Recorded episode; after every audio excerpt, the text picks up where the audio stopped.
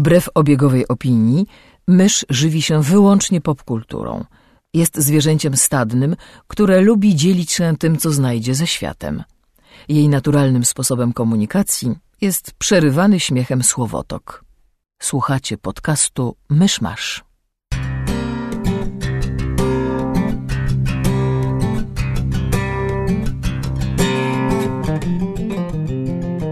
Drodzy słuchacze, jest poniedziałek, 28 sierpnia 2017 roku, urodziny Ai Weiwei'a i Agaty Wrubel. Zapraszam do 195 odcinka podcastu Myszmasz. Cześć, jestem Krzysiek Ceran, a ze mną przy mikrofonie siedzi mysz. Hej! Kamil Borek. Hej! I nasz gość specjalny i niepowtarzalny Ocia. Hello! Bo jej dawno nie było. Trzeba uzupełnić zapas Oci w podcaście. A newsy. Tak, mam newsy. Nie wiadomo, co się dzieje z filmami DC od Warner Brothers. Nikt nie wie. To znaczy, ja nie wiem. Być może Joss Whedon wie, ale nie zdziwię się, jeśli on też nie wie. To znaczy tak, po kolei. E, bo teraz naraz padło kilka jokerowych newsów. News pierwszy jest taki, że istniał projekt, który miał się nazywać Gotham City Sirens i to miał być film z Harley Quinn, Poison Ivy i tam jeszcze paroma e, zbrodniarkami z komiksów DC. Ten film nie powstanie. W jego miejscu chwilowo pracują nad filmem o Jokerze i Harley Quinn. Bo wiecie, miał być film Girl Power, to teraz będzie o tym klaunie, co ją bije. E, Reżyserowany tak przez twórcę Crazy Stupid Love? albo scenariusz. Chyba scenariusz? Pisane Mam- przez Tak? scenarzystów Crazy Stupid Więc Love. będzie komedia romantyczna z Jokerem i Harley. Cool, cool story, bro, nie? E, Drugi projekt Jokero-podobny, e, Jokero-centryczny to Origin Jokera, który ma być produkowany przez Martina Scorsese i ma nawiązywać właśnie do kina gangsterskiego w tym wydaniu. A, i, aha, i to w ogóle ma być, to, to ma być film e, w swoim własnym małym świecie. On, on ma nie być powiązany z, z, z ogólnym uniwersum kinowym, co ja, dla mnie, to znaczy, abstrahując od tego, że uważam, że pomysł na ten film jest koszmarny, to sam pomysł mm, takich nie, filmów, że tak powiem, niezależnych od tego całego świata, które przedstawiają nam inne wersje bohaterów, jasne, no komiksy robią to od, od pół wieku, e, animacje DC też się w to bawią, e, ludzie mówią, że publika ogłupieje, no ale, no nie wiem, jakoś mają Supermana w Supergirl na małym ekranie i nie mylą go z tym granym przez, e, jak mu tam, Szczełkościska. Henry'ego Cavill. Właśnie jego, na wielkim ekranie. E, więc tak sobie myślę, że ludzie załapią, ale może ja przeceniam ludzi, nie wiem. E, natomiast sam pomysł originu Jokera wydaje mi się kompletnie chybiony, bo Joker to jest postać, którą gdy zaczynasz tłumaczyć, kim był biedny, mały, nie wiem, John Kerry, czy jakkolwiek go nazwał. Joe Napier. E, Jack John- Napier. To, Jack Napier, tak. A, e, I co mu się stało, że oszalał? To, to, to nigdy nie działał, bo Joker jest nierealną postacią, w sensie nie da się go wyjaśnić i wyjaśnianie go nie sprawdza się.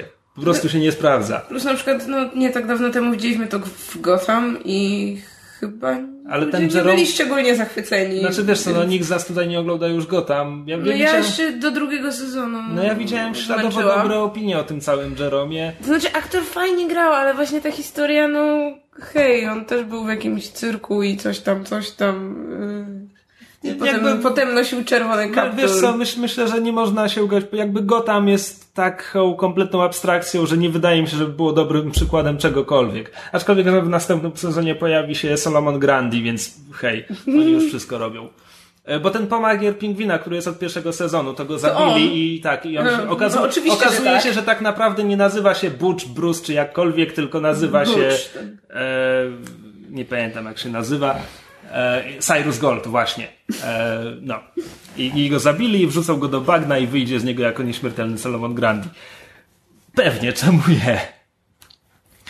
E, czy były jeszcze jakieś newsy około DC-owe?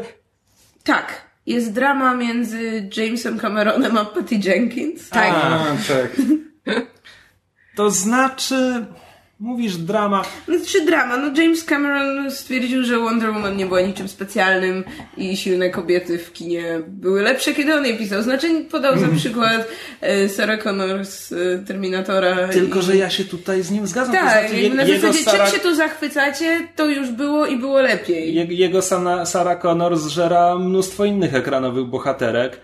E, natomiast... Znaczy, przy czym jakby to jest złe porównanie, bo Wonder Woman jest filmem superbohaterskim. Jakby superbohaterów pisze się inaczej niż e, jakby w, osadzone w dosyć jednak takim, znaczy nie chcę, nie chcę nazwać Terminatora realistycznym filmem, no, ale jednak to jest... Postapo. No, jakby trzyma się jakiś tam... Terminator nie jest postapo, nie licząc tego z Bale'em. Ale bohaterka wie, że tak się skończy jej życie, No tak, więc ale- można to tak, tak no, interpretować. ale, ale, ale, ale filmy są absolutnie preapo. O to w nich chodzi, że są preapo. Ale zarysy bohaterów są tam jak najbardziej, jak najbardziej realistyczne, a jednak w filmach superbohaterskich jakby zupełnie inaczej się pisze i to jakby też wiesz, no, że Ja nie wiem, no jakby rewolucja Marvela polegała na tym, żeby pisać superbohaterów jak ludzi. Znaczy, moim zdaniem jakby... Mówię o rewolucji komiksowej, nie, nie że w kinie. Moim zdaniem różnica nie zasadza się na tym, że jedno jest, y, nie wiem, realistyczne, a drugie jest superbohaterskie, tylko na błędnym założeniu, że silna kobieta musi być silna. To znaczy jakby, że silna kobieta musi być pisana tak jak mężczyzna. No bo jakby Sarah Connor jest... She's a dude. To, że jest matką jest tam bardzo ważne dla tej postaci.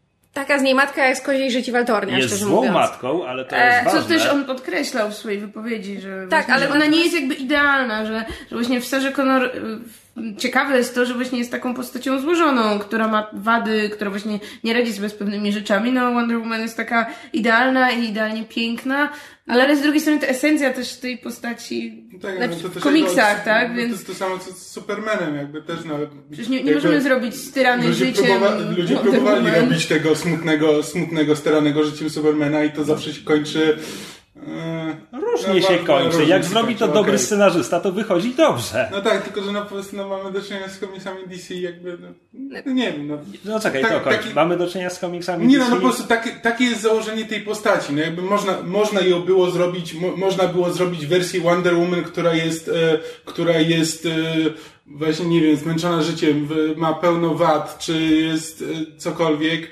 tylko że tylko, że na przykład no, Snyder próbował to robić, wychodziło mu źle, jakby ten film, ten film robił to w, w kontraście do pozostałych filmów DC. Jakby po prostu założenie było inne. Założenie było takie, że robimy jakby taką y, typową superbohaterkę, boginię, która no, jej główną wadą jest to, że jest naiwna. Ja Właśnie chciałam powiedzieć, że no jakby to nie jest tak, że Wonder Woman w ogóle nie ma wad. Jej idealizm jest jedną z jej wad. To, to że ona ma jak najlepsze intencje, nie oznacza, że, że, że to nie jest wada, że ona przez to nie popełnia błędów i nie robi idiotycznych rzeczy, ale no jest w gruncie rzeczy dobra i sugerowanie, że to jest w jakiś sposób wada, albo że to sprawia, że jest mniej złożoną postacią, bo jest dobra, jest idiotyczne, jest właśnie propagowaniem tego stereotypu, że kobieta, żeby być, yy, że tak powiem, w jakimś quote unquote silna, to musi być, wiesz, musi być yy, ten, yy, waleczna, yy, brutalna, złożona, taka no bullshit i w ogóle. A jakby kobiety są bardziej złożone, nie wiem czy wiecie. Wonder Woman morduje dziesiątki Niemców w tym filmie. Ale chodzi mi o to, że w gruncie rzeczy Wonder Woman jest właśnie, wiesz, jest, jest, jest dobra, jest ciepła, jest idealistyczna. Tam jak, jak mija na ulicy matkę z dzieckiem, to się nad tym dzieckiem pochyla i robi o, no jakby, wiesz, jest wychowana w społeczeństwie kobiet i to jakby... Ja rozumiem, co, co Cameron próbował powiedzieć, natomiast jakby w kwestii tej co, królicze uszka dramy, no bo drama, no, Nie. wy, wymienili się opiniami, nie? Jaka drama. Internet z tego zrobił dramę. E, mimo wszystko jestem jakby po stronie Patty Jenkins, tego, co ona właśnie Patty Jenkins powiedziała. powiedziała coś bardzo ciekawego na zasadzie, że jakby kobiety mogą być różne, żeby być ciekawymi postaciami, ciekawymi bohaterkami i że jakby powinniśmy im jakby na to pozwolić, że mogą być te, te twardsze, mogą być te silniejsze, ale mogą być też te bardziej atrakcyjne, weselsze, kochające życie, jakby, że, że nie ma czegoś takiego, że jedna z nich jest bardziej postacią kobiecą, czy lepszą postacią, no po prostu ważne, żeby były tak napisane w dobry sposób, żeby były pełnymi postaciami, aczkolwiek z drugiej strony też wydaje mi się, że James Cameron trochę chciał powiedzieć yy, co innego niż mu wyszło, to znaczy żebyśmy nie przesadzali z tymi zachwytami nad Wonder Woman w sensie, że to jest taki przełomowy film, czy że to jest taka przełomowa bohaterka. No, no bo nie jest, tak? Aczkolwiek, no właśnie nie odmawiajmy też takim postaciom prawa do, do bycia na ekranie, do, do podobania się. Wonder Woman coś tam jednak zrobiła, no jakby osiągnęła takie, takie nie, inne wyniki w box office, zebrała takie nie, nie inne recenzje, myśmy się też o tym filmie wypowiadali i jakby podkreślaliśmy, że ten film ma liczne wady. Co nie zmienia faktu, że wielu osobom się podobał, na wielu osobach zrobił wrażenie i dla wielu kobiet Wizek był bardzo istotny. No w Stanach były ogromne akcje, gdzie jakby kobiety wielokrotnie chodziły na ten film do kina, w sensie szły pierwszy raz, drugi, trzeci, zabierały ze sobą koleżanki, zabierały ze sobą mamy, ciocie, babcie, były całe eventy, gdzie 75-osobowe grupy kobiet chodziły na ten film tabunami, bo po prostu coś im ten film daje. I to też jest moim zdaniem ważne, więc, więc yy, wydaje mi się, że nie można tego umniejszać też. Można stwierdzić, że film jest istotny mimo swoich wad. Ja, ja byłem przeciwko Jamesowi Cameronowi w momencie, kiedy jako kontrprzykład podaje napisaną przez ciebie postać. byłbym bardziej przychylny, gdyby jakby napisał, gdyby pokazał jakby z innych, a nie na zasadzie o nie, nie, nie, nie ekscytujcie się tak, ja to zrobiłem lepiej 15 e, lat temu. E, jakby na tym etapie jakby jak ktoś, jak ktoś zaczyna to od, od tego, to ja już jestem, to już jestem nastawiony przeciwko niemu. Tak, a z, z dalszych dram również na linii e, męsko-damskich to była drama odnośnie, tak jeszcze w, w DC Universe, to e, była drama odnośnie Jossa Whedona i no jego, i jego byłej żony, która się e, wypowiedziała w długim artykule um, pisanym dla, chcę powiedzieć The Wire? Nie, nie, nie The Wire, ale nie pamiętam co to było. Nieważne. Nieważne. E, w każdym razie wypowiedziała się w bardzo długim takim e, e, artykule na temat jej życia z Widonem, że wielokrotnie ją zdradzał, do czego jej się przyznał, bo oni są już jakby teraz po, po, po rozwodzie już od, od dłuższego czasu, że, że wielokrotnie ją zdradzał, że jakby napisał do niej długi list, w którym jakby tłumaczył, że że jakby, że no wychowywały go kobiety, więc on zawsze lubił być w towarzystwie kobiet i on nie wiedział, co zrobić, jak był w otoczeniu tych wszystkich pięknych kobiet, które czegoś od niego chciały, w związku z tym, jaki z niego kurwa feminista. I jakby nie, nie wiemy, jak wyglądała sytuacja, to znaczy nie wiemy, do czego rzeczywiście doszło, natomiast, natomiast jej sugestie w tym artykule, jakoby to robiło z niego, to, to, to sprawiało, że on nie jest feministą, jest dla mnie kuriozalne, bo to jakby nie, to piernik do wiatraka. Poza tym jakby w zdradzie zazwyczaj są dwie osoby, z czego jedną z nich jest kobieta, więc jakby to nie jest tak, że tylko on się tego dopuszczał. Jeżeli ją, jeżeli rzeczywiście ją wielokrotnie zdradzał, tak wyglądała sytuacja, no to jest to absolutnie e, godne potępienia i, i niech się wstydzi. Natomiast nie widzę, co ma do tego kwestia feminizmu i fakt, że właśnie bardzo wiele portali, w tym oczywiście e, Mary, Sue, Sue, które, właśnie The Mary Sue, które bardzo lubi tego typu tematy podłapywać się, się na Widonie wyżywało, jest dla mnie bezsensowne, no bo jakby nie... W ogóle wciąganie w ten temat jego twórczości na zasadzie, że twórca tego i owego w życiu prywatnym jest takim i takim człowiekiem. Tak, i to jakby... w jakiś sposób umniejsza jego dokonania, no jakby... Tak, jakby no, to, to nie ma związku, zwłaszcza z jego jeszcze przy przeszłymi dokonaniami filmowymi czy serialowymi. jakby chyba nikt, kto, nie wiem, lubi twórczość Widona, czy powiedzmy, nie wiem, ceni pisane przez niego bohaterki, czy, czy, czy seriale, filmy i tak dalej, yy, niekoniecznie, e, nie wiem, ceni go z uwagi na jego życie prywatne, tak? No mhm. raz, że raczej wcześniej się o tym chyba nie mówiło, dwa, no... Znaczy, można się dopatrywać problemów, yy, znaczy jakby kwestii feministycznych w jego dziełach, jakby są te, to znaczy można mieć mm. na mhm. przykład, nie wiem, wątpliwości, czy czy nie wiem, czy... Czy to jak pisał Black Widow było dobre, czy złe, tak, czy albo czy ten... mu wyszło, czy mu nie wyszło, Czy tak? ten scenariusz Ale... Bat, nie, przepraszam, nie Batgirl, tylko Wonder Woman, który wyciekł, który mm. podobno był jego dziełem, jakby jakie tam były problemy. No można się dopatrywać w jego dziełach y, y, tego, jak były, jak były poruszane kwestie kobiet, czy właśnie kwestie związane z feminizmem, natomiast to, co ma do tego jego życie prywatne jest, jest no, bezsensowne, jakby nie ma, nie ma nic do rzeczy. I, I boli mnie ta sugestia, że właśnie bardzo wiele portali połapało, że o, że, że tam ten wielki feminista wcale nie jest feministą. No, no nie, no to to nie tak działa, no. Ja, już trochę na inny temat, ale a propos tego scenariusza Wonder Woman, jakby nie wspomnieć tak. o tym, bo, i właśnie jak, jak zobaczyłem te newsy właśnie o, ten, o scenariuszu o tym scenariuszu Wonder Woman, no to sobie patrzyłem na ten, na ten scenariusz, tam zacząłem, zacząłem go czytać, tam przeczytałem jakieś 20, 20 pierwszych stron. No i stwierdziłem, Jezu, jakie to jest cienkie. Znaczy, to jest po prostu jakby źle, słabo napisane, dziwnie napisane, znaczy napisane nie jak scenariusz filmowy, tylko jakiś taki kompletnie, kompletnie niezgodnie, niezgodnie ze sztuką. I tak wiesz, tak przyjrzałem się, okej, no to skąd się wziął ten, skąd się wziął ten scenariusz? Większość artykułów w ogóle nawet nie podaje źródła, w ogóle nawet nie podaje, że po że gdzieś tam wyciekł jakiś scenariusz i że być może jest Widona, bo, bo ma watermark y, te, te studia, y, jakiś tam wytwórni który, któryś tam. Y, jest napisane, że napisał to Joss Whedon.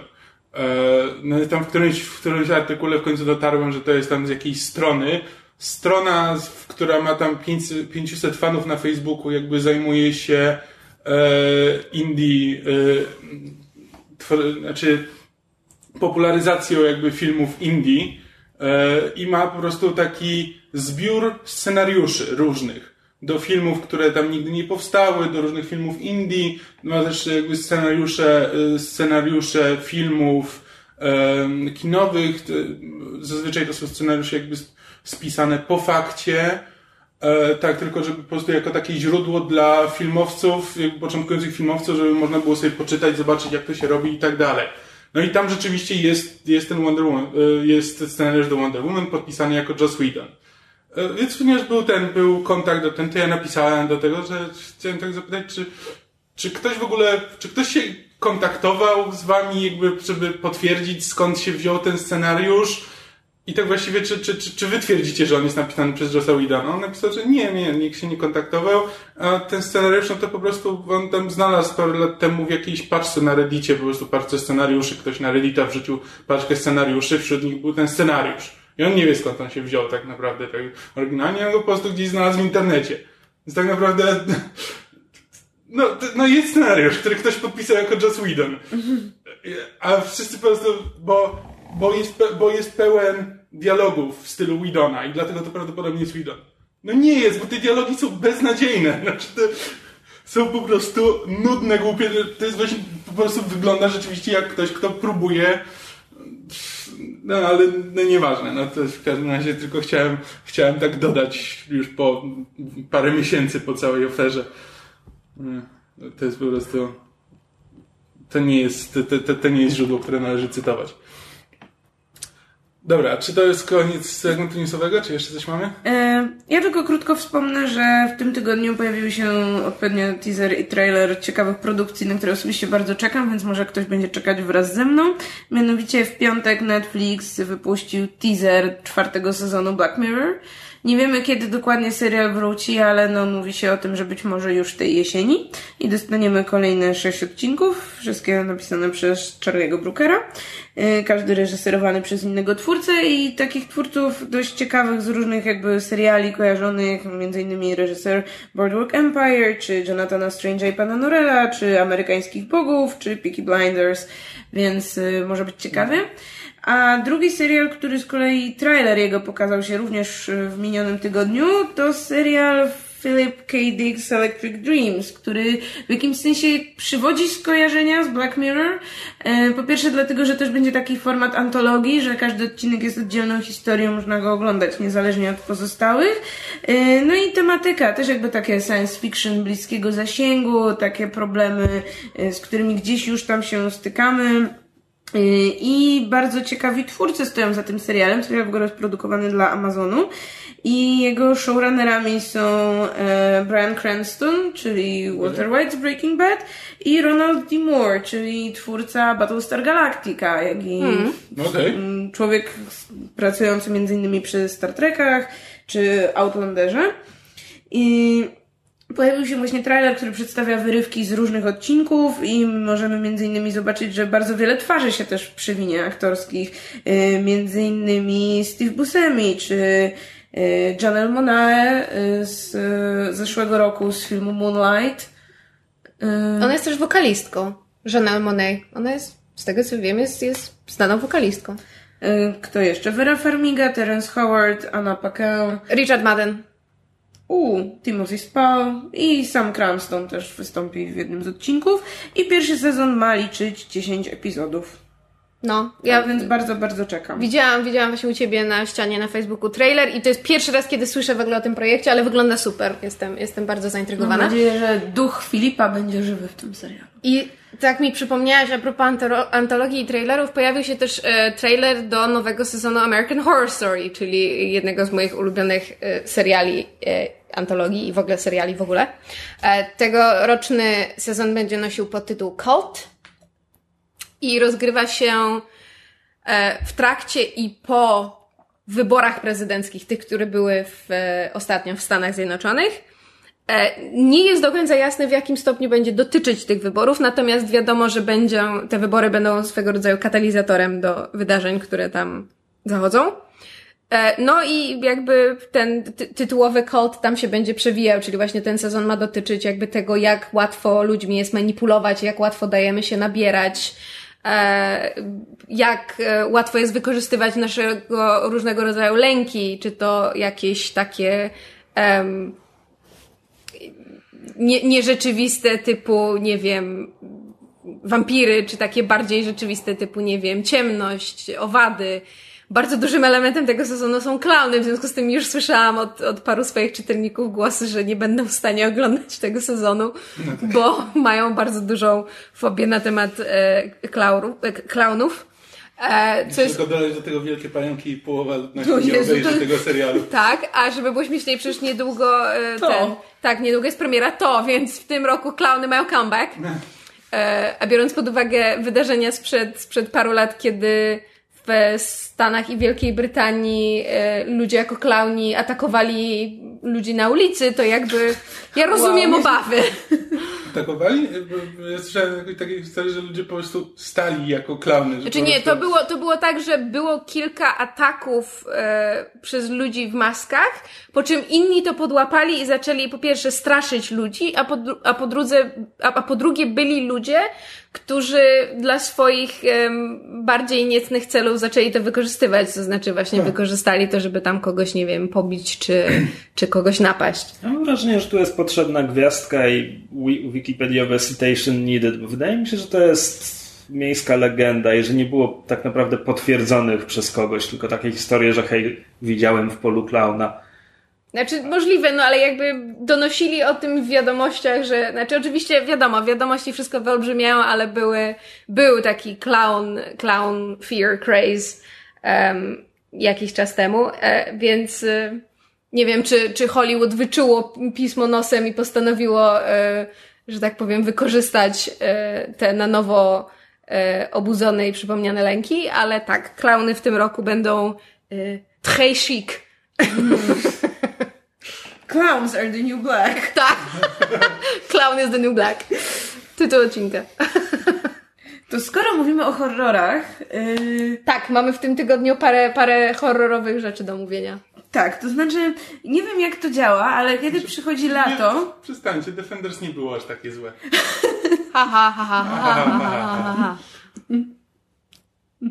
Dobrze, przepraszam, ociu. Dobra, więc ym, wracając do mojej błyskotliwej, myśl, błyskotliwej myśli, nie wiem jak to się dzieje, ale kiedy przychodzi lato, nachodzi mnie ochota, żeby pooglądać trochę slasherów. Bo jakoś tak letni klimat... Morderczy y, instynkt. Tak, sprzyja, sprzyja mordowaniu. Za... Nie musicie się bać jeździć ze mną na wakacje, nie, nie. Suns out, knives out. Ale coś w tym jest, że większość jakby takich, nie wiem, filmów, seriali, to jakby takie produkcje w takiej właśnie letniej atmosferze, gdzie, nie wiem, grupa ludzi jedzie nad jakieś jezioro, czy do jakiegoś domku w dziczy i tam zostają zamordowani, więc może stąd to skojarzenie. Yy, W moim przypadku zaczęło się od yy, nadrobienia drugiego sezonu Krzyku, yy, który jest na Netflixie. I jakby nie będę, nie będę tu wchodzić w żadne głębsze dywagacje, bo jeśli ktoś oglądał, nie wiem, serię filmową lub pierwszy sezon serialu, to myślę, że doskonale wie, czego się spodziewać. To jest jakby slasher, ale podany z takim przymrużeniem oka, gdzie bohaterowie są świadomi tego, że no to, co ich otacza jest takie, no takie trochę kli- kliszowe, powiedziałabym, wpadające w te wszystkie klisze horrorowe, typu, że jak ktoś mówi zaraz wracam, to wszyscy krzyczą nie, nigdy nie możesz powiedzieć zaraz wracam i tak dalej, i tak dalej. Więc jakby serial mm, podtrzymuje tę taką atmosferę trochę takiego pastiszu, trochę takiego absurdu, a z drugiej strony potrafi wciąż być jakby angażującym, trzymającym w napięciu horrorem. I po tym, jak niestety obejrzałam już całość i, i więcej nie ma, bo trzeci sezon dopiero w 2018, to postanowiłam poszukać, czy mamy więcej takich produkcji serialowych. No bo tak serialowy slasher chyba zrobić trochę trudno, no bo z jednej strony widz przywiązuje się do bohaterów, więc jak to tak mu ich zabijać? I jakby o czym to mówić przez, przez, przez tyle godzin, tak? No w filmach z reguły wystarczą, nie wiem, dwie godziny na, na zabicie tam połowy bohaterów i pokonanie wielkiego pana z maczetą czy, czy siekierą. Ale znalazłam serial o wiele mówiącym tytule pod tytułem Slasher, czyli pro- koprodukcję kanadyjsko-amerykańską, y, która też dystrybuowana jest na polskim Netflixie. Y, Osiem odcinków liczy pierwszy sezon. I zaciekawiła mnie wypowiedź, wypowiedź twórcy tego serialu, który y, bardzo ciepło wypowiedział się właśnie o American Horror Story i o tej koncepcji takiego robienia serialu antologii, gdzie chciałby w kolejnych sezonach też wykorzystywać tych samych y, aktorów, ale opowiadać o jakby zupełnie innych morderstwach, zupełnie innych y, fabułach. No i obejrzałam ten pierwszy sezon. O mój Boże, jakie to było tragicznie złe. Znaczy, ja mam wrażenie, z całym, z całym szacunkiem dla kanadyjskich seriali, jest w nich coś takiego, co. Znaczy, można się do nich przywiązać i one bywają bardzo fajne, natomiast No, tak- widać, widać, że są kanadyjskie. To znaczy, it's American, but not quite. Czy pod tak- kanadyjskie seriale podciągamy też wszystko, co Amerykanie produkują w Vancouver? Nie, dlatego, że z jakiegoś powodu oni tylko jakby wykorzystują e, kanadyjski setting. Znaczy, jakby... Kanadyjskie seriale mam wrażenie, mają coś takiego w sobie, że mają trochę więcej serca, ale te produkcyjnie są tak z 10 lat za amerykańskimi. Znaczy są takie bardziej, po angielsku jest takie ładne słowo earnest, takie jakby bardziej Ba- szczere i takie... Z tego miejsca polecam ten taki serial e, Little Mosque on the Prairie. E, jest, o, to nawiązanie do domku na prerii? tak, e, Mecet na prairie. tak, to jest po prostu taki, taki se, serial komediowy o, me, o meczecie w małym, w małym miasteczku. Jakby o społeczności muzułmańskiej tam. Bardzo, ten, bardzo sympatyczny. Yy, to może opowiem wam trochę o tym serialu, jakbyście jednak postanowili go obejrzeć. Yy, Znaczy, skoro mówisz, że jest zły, to ja być może nie, ale chętnie posłucham, bo, fascy... To znaczy, znaczy- bo też jestem zdania, że bardzo trudno jest zrobić horror serialowy i wszystkie jego em, instancje mnie bardzo interesują. Tak, znaczy on się całkiem nieźle zaczyna. Yy, mianowicie yy, mamy krótką retrospekcję do 1988 roku i Halloween, yy, kiedy parę, małżeństwo, żona w zaawansowanej ciąży brutalnie zaszlachtowuje pewien morderca w takim stroju, yy, to jest taki, mówią na niego kat, bo generalnie to wygląda jak taki stary strój kata, jest taka długa peleryna do ziemi i taki czarny, czarny kaptur, jest tylko z otworami na oczy. I yy, ten morderca jakby zabija ich, ale jakby zostaje w tym domu, jakby nie ucieka, więc policja przyjeżdża na miejsce zdarzenia, po prostu łapią go, zamykają w więzieniu. I, i, I to tyle? Więc, yy, no bardzo, nie, z jednej strony no psychopata, bo brutalnie zamordował dwójkę ludzi, z drugiej strony nie jakiś seryjny morderca, czy nie ktoś, kto próbuje jakby umknąć sprawiedliwości. No więc jakby tak, no ciekawe o co chodzi.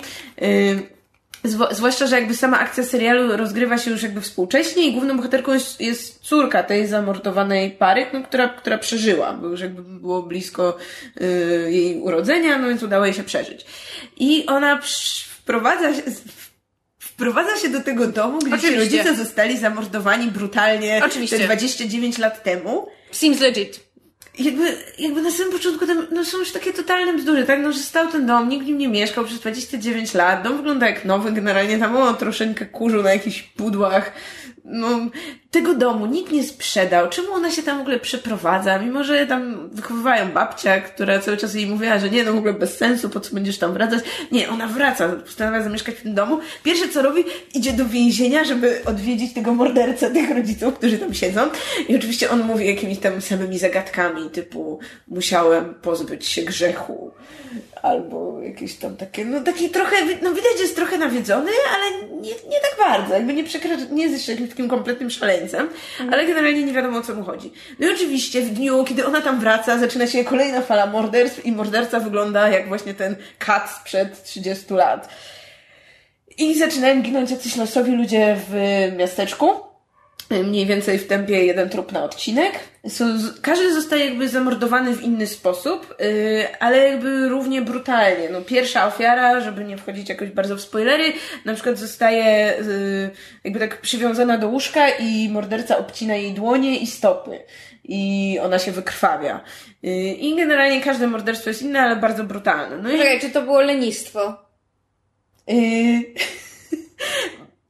grzechy główne, tak, jak najbardziej. No bo powiedział, że musiałem coś tam grzech, a zazwyczaj jeżeli jest morderca, który mówi o grzechach, to jest siedem grzechów głównych. Tak, więc nasz nowy morderca morduje według siedmiu grzechów głównych. To znaczy, każda ofiara popełniła w jego mniemaniu jakiś straszny, straszny grzech i on, wzorując się jakby na tym, co zapisane w Biblii, y, próbuje dokonywać takich, jakby w taki sposób morderstw, żeby jakby oni dostawali te kary, no, które tam są przewidziane, no tylko, że w jakiś tam współcześniejszy sposób. Znaczy tam kojarzę, że Yy, za, za obżarstwo, tak, gluttony, jest jakaś kara związana ze szczurami, więc generalnie tam postać, która umiera, została zatruta trutką na szczury, no więc gdzieś tam jest to nawiązanie.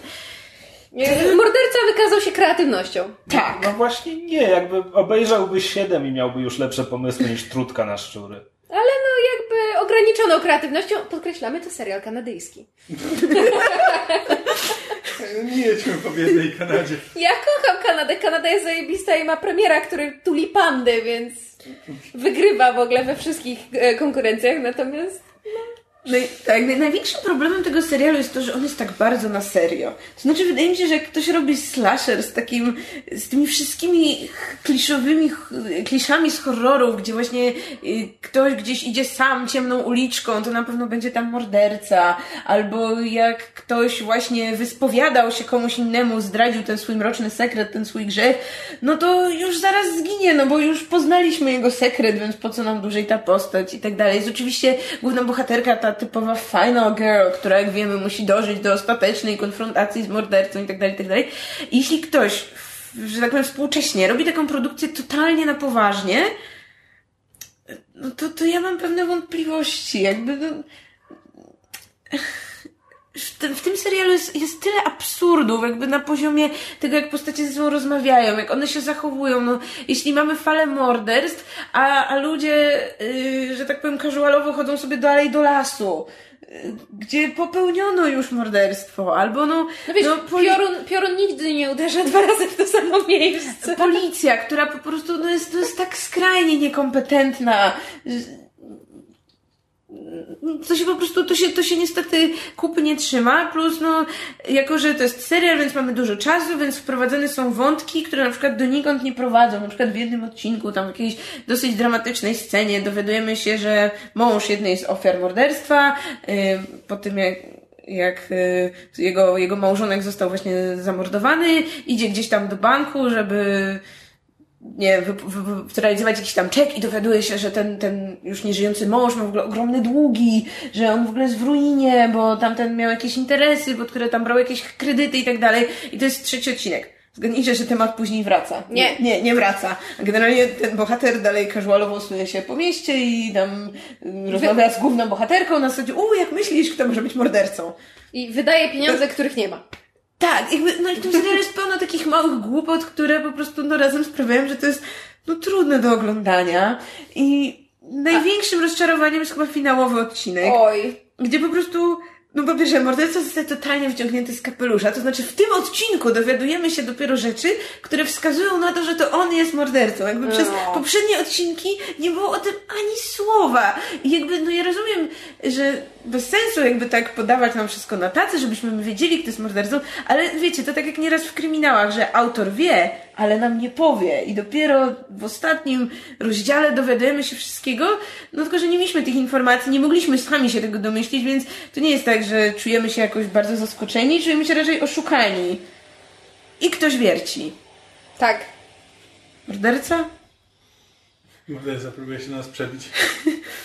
Tak, więc jakby już podsumowując, nie wiem, czy wrócę na drugi sezon, zwłaszcza, że jakby no jest podbudowa pod drugi sezon w ostatnich trzech minutach tego finałowego odcinka. Przychodzi kolejny morderca. Lepiej. Ja, ja, wa- ja wam to powiem, no bo to nie jest spoiler, bo to zapowiada kolejny sezon. Otóż ta nasza główna bohaterka wyprowadza się ostatecznie z tego domu morderstw, no bo no pewnie, że tak, już najwyższa pora. I przyjeżdża oglądać ten dom nowa rodzina. Jakaś ta- taka dosyć, dosyć liczna, nam nie pokazują jej dokładnie, ale jakby najmłodszym członkiem rodziny jest no mała dziewczynka, taka urocza, blondyneczka na oko, tam nie wiem, 6-7 lat. No i ta rodzice z agentem nieruchomości i wchodzą do domu, żeby oglądać yy, jakby wnętrze, a ona tam słyszy, że tam kotek zamiałczał, no i idzie tak za węgieł domu, bierze tego kotka, mówi, o, kotek! I skręcam łeb. I skręca mu łeb. I jest takie ujęcie, no po prostu te, te, te twarz tej, tej dziewczynki i, i koniec. Czyli rozumiem, że drugi, drugi sezon to jest Omen? No właśnie, Ish? y, kinda... It's all for you, Damien. It's all for you. Więc jeśli dostaniemy jakby sezon serialu na poważnie z małą dziewczynką, która jest tak zła, że morduje kotki, mm, Oj. oj. I to wszystko na poważnie. Tak. Oj. Tak, więc no jeśli ktoś bardzo jest spragniony y, brutalnych morderstw w swoim życiu, to może obejrzeć, Oj. ale nie polecam. If you're looking for that special murder in your life. To skoro jesteśmy w tym temacie i mówimy o źle działającej, niekompetentnej policji, bezsensownych mordercach, to ja bym chciała przejść do pilota serialu, który obejrzałam, w którym jest wręcz przeciwnie. Mianowicie, e, jak być może wiecie, Stephen King, e, autor wielu poczytnych e, horrorów i thrillerów, a także, jak się okazuje, kryminałów, o czym nie wiedziałam, em, ma Zależy kogo zapytać, pecha albo szczęście do ekranizacji. To znaczy, ym, większość jego horrorowych ekranizacji jest kiepska, z chlubnym wyjątkiem zawsze podawanym jako lśnienie, co jest dla mnie kuriozalne, bo ja nie cierpię tej adaptacji. E, natomiast ma większe szczęście do adaptacji dramatów typu Shawshank Redemption, Zielona Mila. Tak, też serialowo chwalone na pewno było to Dallas 63, bo, które A z dostało drugiej ośmiodcinkowy miniserial. A z drugiej strony mieliśmy Under the Dome, które po pierwszym sezonie się bardzo I teraz zepsuło. chyba też Mgła, która ponoć jest nieoglądalna. Tak, ale z mgła, mgła w ogóle ma pecha, bo miała chyba do tej pory Jakieś filmowe też Dwie filmowe adaptacje, adaptacje tak. E, natomiast teraz em, wzięli się za e, powieść de- detektywistyczną, którą King napisał. Właściwie to jest hard, hard-boiled detective novel, tak, to, tak się nazywa gatunek. Chodzi o Mr. Mercedes który jest częścią e, trylogii tak zwanej Bill Hodges Trilogy, to jest nazwisko właśnie tego e, detektywa e, już emerytowanego, z którym pogrywa sobie morderca, właśnie tytułowy Mr. Mercedes. No i, i serial jest adaptacją książki, ale z tego co wiem, em, mieszającą jakby kolejność i, i nie, jest to może bardzo wierne, natomiast e, e, moim zdaniem jest to. Nie mogę, nie mogę ręczyć za to, jaka to jest adaptacja albo ekranizacja, bo książki nie czytałam, natomiast moim zdaniem to jest bardzo dobry pilot interesującego serialu. Nie wiem jeszcze, jak będzie dalej. Em, powiedzmy może, kto jest w to zamieszany, bo to trochę tłumaczy jego jakość. Znaczy, nawet bardzo tłumaczy jego jakość, dlatego że reżyserem jest Jack Bender, który odpowiada innymi za odcinki Lostów, Rodziny Soprano i Gry o Tron. A głównym producentem wykonawczym jest David E. Kelly. Czyli twórca, tak, Ali McBeal, Boston Legal, Boston Legal, Boston Public, Harry's Law, Wonder Woman z Adrian Palicki. Widziałem tego pilota. Każda, nie każdy ten złote jajo tej kury, co je znosi, musi być świeże. Wow. Cio! Robił też ten serial z Robiną Williamsem e, o agencji reklamowej. A tak, rzeczywiście. Ej, zapomniałam teraz, jak się nazywał. Nieważne. Nieważne. Dalej. E, tak. E, z kolei w głównych rolach mamy e, Brendana Gleesona, czyli seniora e, aktorskiego rodu Gleesonów, e, jako właśnie tego Billa, Billa Hodgesa, detek- emerytowanego detektywa. I mamy w roli e, mordercy, bo w tym serialu jakby wiemy od początku, kto jest mordercą. Morderca jest nam ukazywany i jakby istotą serialu są właśnie, jest to, jak morderca sobie pogrywa z Hodgesem i jak Hodges próbuje dojść do tego, kto jest mordercą. E, gra, młodego chłopaka e, gra Harry Treadaway, czyli jeden z bliźniaków Treadaway, brytyjskich aktorów, którzy... jest dwóch? Ich jest dwóch! To jest Luke Treadaway. Jest Luke i jest Harry. Boże, mi oczy. ja Myślałam, że to nigdy- jeden człowiek. Nie, ja nigdy nie wiem, który gdzie gra. Znaczy, w sensie nie pamiętam, który gdzie A gra, chciałam natomiast cię pytać, który grał w Penny Dreadful, No właśnie- bo jeden grał tam e, Wiktora Frankensteina. Znaczy, wydaje mi się, że to był Harry. Czyli ten z Mercedesa. Tak mi się wydaje, a z kolei Luke Treadaway to jest chyba ten, który grał w Dziwny przypadek psa nocną porą w tej sztuce, e, która była transmitowana w ramach e, transmisji NT Live, i o której chyba mówiłam w podcaście. E, w każdym razie jest to aktor, który fenomenalnie nadaje się do grania e, takich bardzo niepokojących, Tych śliskich typów. tak, creepy, creepy postaci, więc jest fantastycznie dobrany. Co jest o tyle ciekawe, że przed chwilą doczytałam w internecie, bo sprawdzałam, upewniałam się co do pewnych informacji, żeby, bo wiecie, my jesteśmy tutaj bardzo profesjonalni i super research robimy, wcale nie na ostatnią chwilę. E, wiecie, kto miał oryginalnie grać tego mordercę? Anton, Anton Jelcin, świętej pamięci. No i byłabym, znaczy, Anton Jelcin jest, był, e, znaczy pozostaje bardzo, bardzo ciekawym e, aktorem i zawsze mnie fascynowały jego, jego dobory ról, bo on z jednej strony potrafił grać takiego totalnie niewinnego, że tak powiem, chłopaczka z sąsiedztwa, który, wiesz, jest miły i uczynny, a z drugiej strony bardzo wiele jego projektów to były takie filmy indie, w, w których grał e, momentami niepokojące role, zwłaszcza właśnie przy, przy, u końca swojej kariery był zaangażowany w bardzo wiele różnych takich projektów, gdzie miał e, trochę mroczniejsze role, więc byłabym bardzo ciekawa, jak, jak mógł wypaść w tym serialu, bo rola, on się nazywa Brady, ten, ten, ten chłopak, ten morderca, jest bardzo e, no niełatwa. To jest, to nie jest łatwa postać, bo jakby pilot zaczyna się od tego, mam nadzieję, że to nie jest spoiler, że ktoś e, podczas e, job fair, czyli takiego targu, Targów? tar, tak, targów prac, gdzie jakby w serialu dużym elementem jest to, że panuje bardzo duże bezrobocie, to jest w czasach Obamy, e, jest, są bardzo duże problemy z zatrudnieniem, w związku z tym w trakcie targów pracy, do których ludzie się w nocy ustawiają w kolejce, żeby być jako pierwsi, ktoś wjeżdża Mercedesem w tłum zebranych ludzi, po prostu ich przyjeżdża jak kosiarka i zabija kilkanaście osób, rani ich kolejne te kilkanaście. Mercedesy. Nie, to był taki, wiesz, taki, to, to nie był kup, to był taki porządny. E, i, I jechał bardzo, bardzo szybko i no, gaz do dechy, wiesz, to nie jest to, że przypadkiem wpadasz w ludzi i zaczynasz hamować, to było rozmyślnie. E, I to, co mnie od razu jakby chwyciło w tym serialu, to jest to, że zanim to się dzieje, mamy kilkanaście minut, kiedy obserwujemy tych ludzi stojących pod tymi targami pracy i rozmawiających. I to, co ten serial moim zdaniem fantastycznie robi, to jest on sobie daje czas. To jest właśnie jeden z tych takich, jedno z tych takich dzieł, które wie, jakim jest gatunkiem i jakby jakie elementy musi zawrzeć, czyli musi być ten morderca, muszą być te naprawdę brutalne zbrodnie i serial jakby nie kryguje się z pokazywaniem e, brutalności czy rzeczy, które są bardzo niepokojące. Natomiast e, to, co robi mądrze, to jest jakby buduje nasze zaangażowanie, buduje relacje. To znaczy, zanim ktoś zostanie zabity, przynajmniej w tym pilocie, no bo mówię, nie wiem, jak będzie dalej, ale jakby zaczyna nam na tych ludziach zależeć. Troszeczkę ich poznajemy, widzimy, że na przykład ktoś jest dobrym człowiekiem, ktoś jest niekoniecznie dobry, ktoś jest um, może niedoskonały, ale ma dobre intencje. Jakby poznajemy troszeczkę z ich, wiesz, elementów ich życia, poznajemy ich jako postaci które potem giną, więc już jesteśmy zaangażowani. Tak ocie widzę, że podnosisz łapkę. Y, tak, bo słyszałam z kolei taką opinię, że y, przez to, że od początku wiemy, kto jest mordercą, to odpada jakby część suspensu wynikająca z tego, że no właśnie próbujemy się domyślić, kto to jest, y, że próbujemy jakby odgadnąć, albo ogólnie, że jakby no, no nie wiemy, że jakby po coś dążymy do końca serialu, żeby odkryć tożsamość mordercy, więc jak ty się na to zapatrujesz? Znaczy, to rozumiem taki argument, natomiast dla mnie to są dwa zupełnie inne e, jakby zwierzęta, Gatunki, tak, po, podgatunki szerszego, na- tam nazwijmy gatunku, nie wiem, kryminału, opowieści detektywistycznej, czy coś takiego. Bo, znaczy na przykład ja o, o, o, oglądałam i nadal oglądam kilkanaście sezonów Criminal Minds.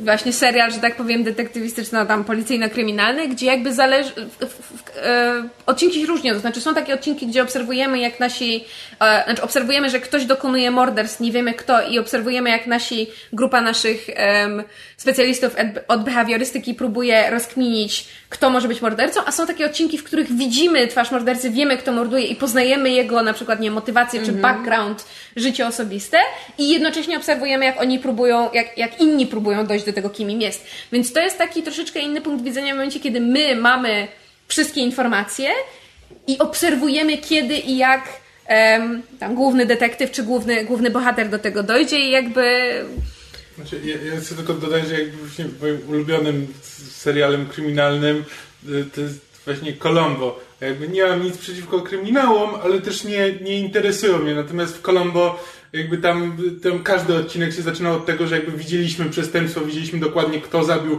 w jaki sposób. I właśnie najciekawszym było tylko to, jak Colombo do tego dojdzie i jaką grę prowadzi z tym przestępcą, a jak ten przestępca myśli, że prowadzi grę z Colombo. I na tym to polegało i to, to, to, to dla mnie zawsze było najfajniejsze, więc jakby tego typu formuła e, na przykład mi by się mogło podobać. Jakby widzę, widzę, co w niej jest ciekawego. Tu to się sprawdza właśnie z tego. Wydaje mi się, że osoba Davida i Kelly jest tutaj bardzo istotna, dlatego że on to, poza tymi momentami, kiedy jest naprawdę fucking creepy, i jest, albo jest właśnie naprawdę bardzo, bardzo gru, brutalnie i jest taki element gore, to jest dramat. To jest po prostu, to jest, to jest dramat obyczajowy, gdzie obserwujemy zmagania ludzi z, z życiem codziennym i te, te, te elementy są tak naprawdę najciekawsze dla mnie. No i właśnie mamy Billa Hodgsa granego przez Brendana Gleesona, który jest tym policjantem, który, który przyszedł na emeryturę, teraz nie ma co ze sobą zrobić, żyje w, w, w zaniedbanym domku, sam też jest zaniedbany, no jakby stracił formę.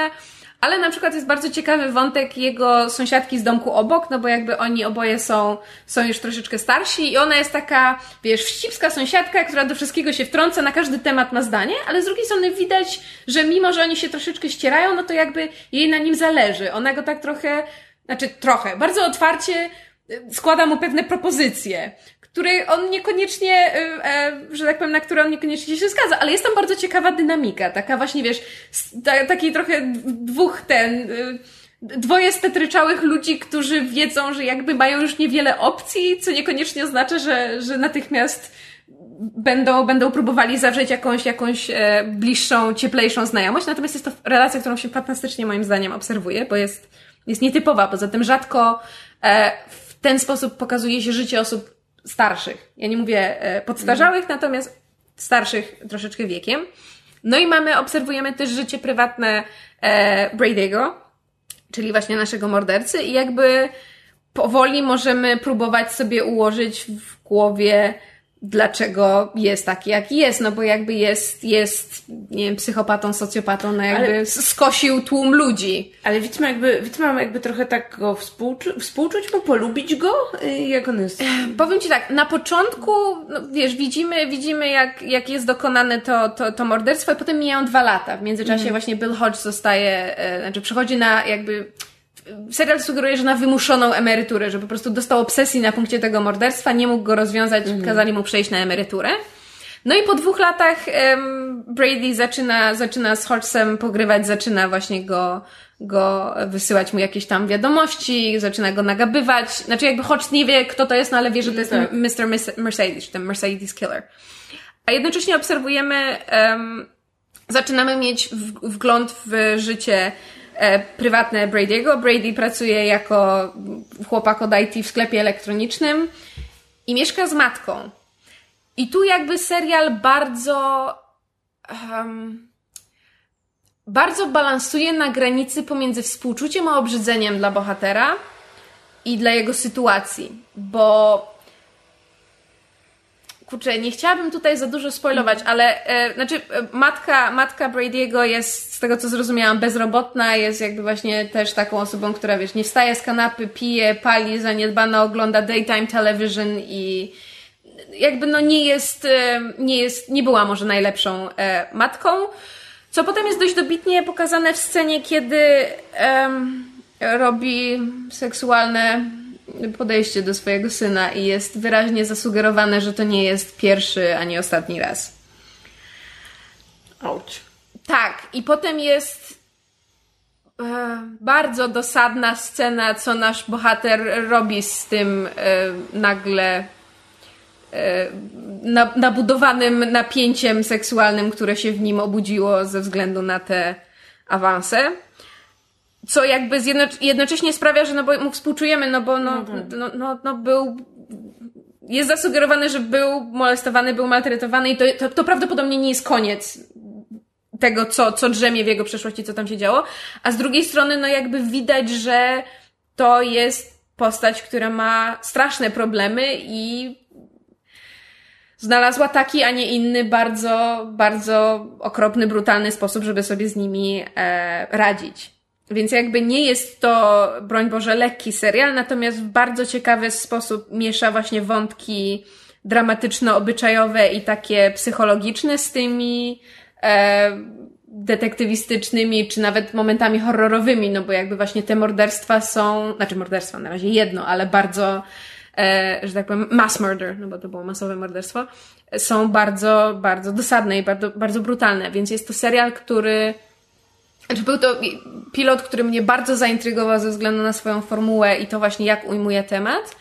Wydaje mi się, że przy takim podejściu i właśnie takim balansowaniu pomiędzy um, dramatem a, a, a właśnie czy, czy horrorem, czy, czy jakimś takim ostrzejszym thrillerem, może z tego być coś bardzo fajnego i pokładam bardzo duże zaufanie właśnie w Davidzie i Kellym, że on z punktu widzenia budowania postaci i budowania tempa serialu będzie w stanie to fajnie pokazać. Więc ja polecam. Co proszę na mnie? Ja nie widziałem. Wiem, że Megu znudził. Tak, tak, wiem. Ale dlatego podchodziłam do niego z pewnym wahaniem, zwłaszcza, że y, o książce słyszałam rozbieżne opinie. Natomiast mówię, pilot jestem bardzo miło zaskoczona, będę z zaintrygowaniem oglądać dalej, chociażby na, ze względu na fantastyczne występy Gleesona i Treadawaya, bo naprawdę aktorsko są fantastyczni. A co do książki, to pod postem Megu właśnie sami fani Kinga y, ten jeden za drugim piszą, że to jest bardzo zła książka, albo przynajmniej jak na Kinga bardzo średnia. Mm. Ja przeczytałem coś zupełnie innego, nie Kinga, przecież nie czytam Kinga. E, przeczytałem The Girl with All the Gifts e, autorstwa M.R. Careya. To jest Mike Carey, który, nie wiem, przeszedł kryzys wieku średniego i postanowił zacząć się inaczej podpisywać. Mike Carey, który był scenarzystą komiksowym, jednym z najlepszych, który pisał X-Menów w tym wieku. E, pisał też Hellblazera długo i potem jego pierwsze książki to był cykl powieści o um, E, Feliksie Castorze, który jest no, takim Johnem Konstantinem, tylko takim, żeby się DC nie czepiało. E, I, I tamte powieści pisał jeszcze jako Mike Carey, w sensie wydawał, a tutaj w The Girl with All the Gifts spróbował czegoś innego i może też dlatego, dlatego postanowił zmienić markę. To jest opowieść drogi w świecie postapokaliptycznym. Konkretnie mówimy o apokalipsie zombie. I tutaj rozwiniemy, bo to jest, bo to jest science fiction. W sensie to jest taka jedyna apokalipsa zombie, która piąte przez dziesiąte może się wydarzyć, to znaczy za wszystko odpowiada grzyb.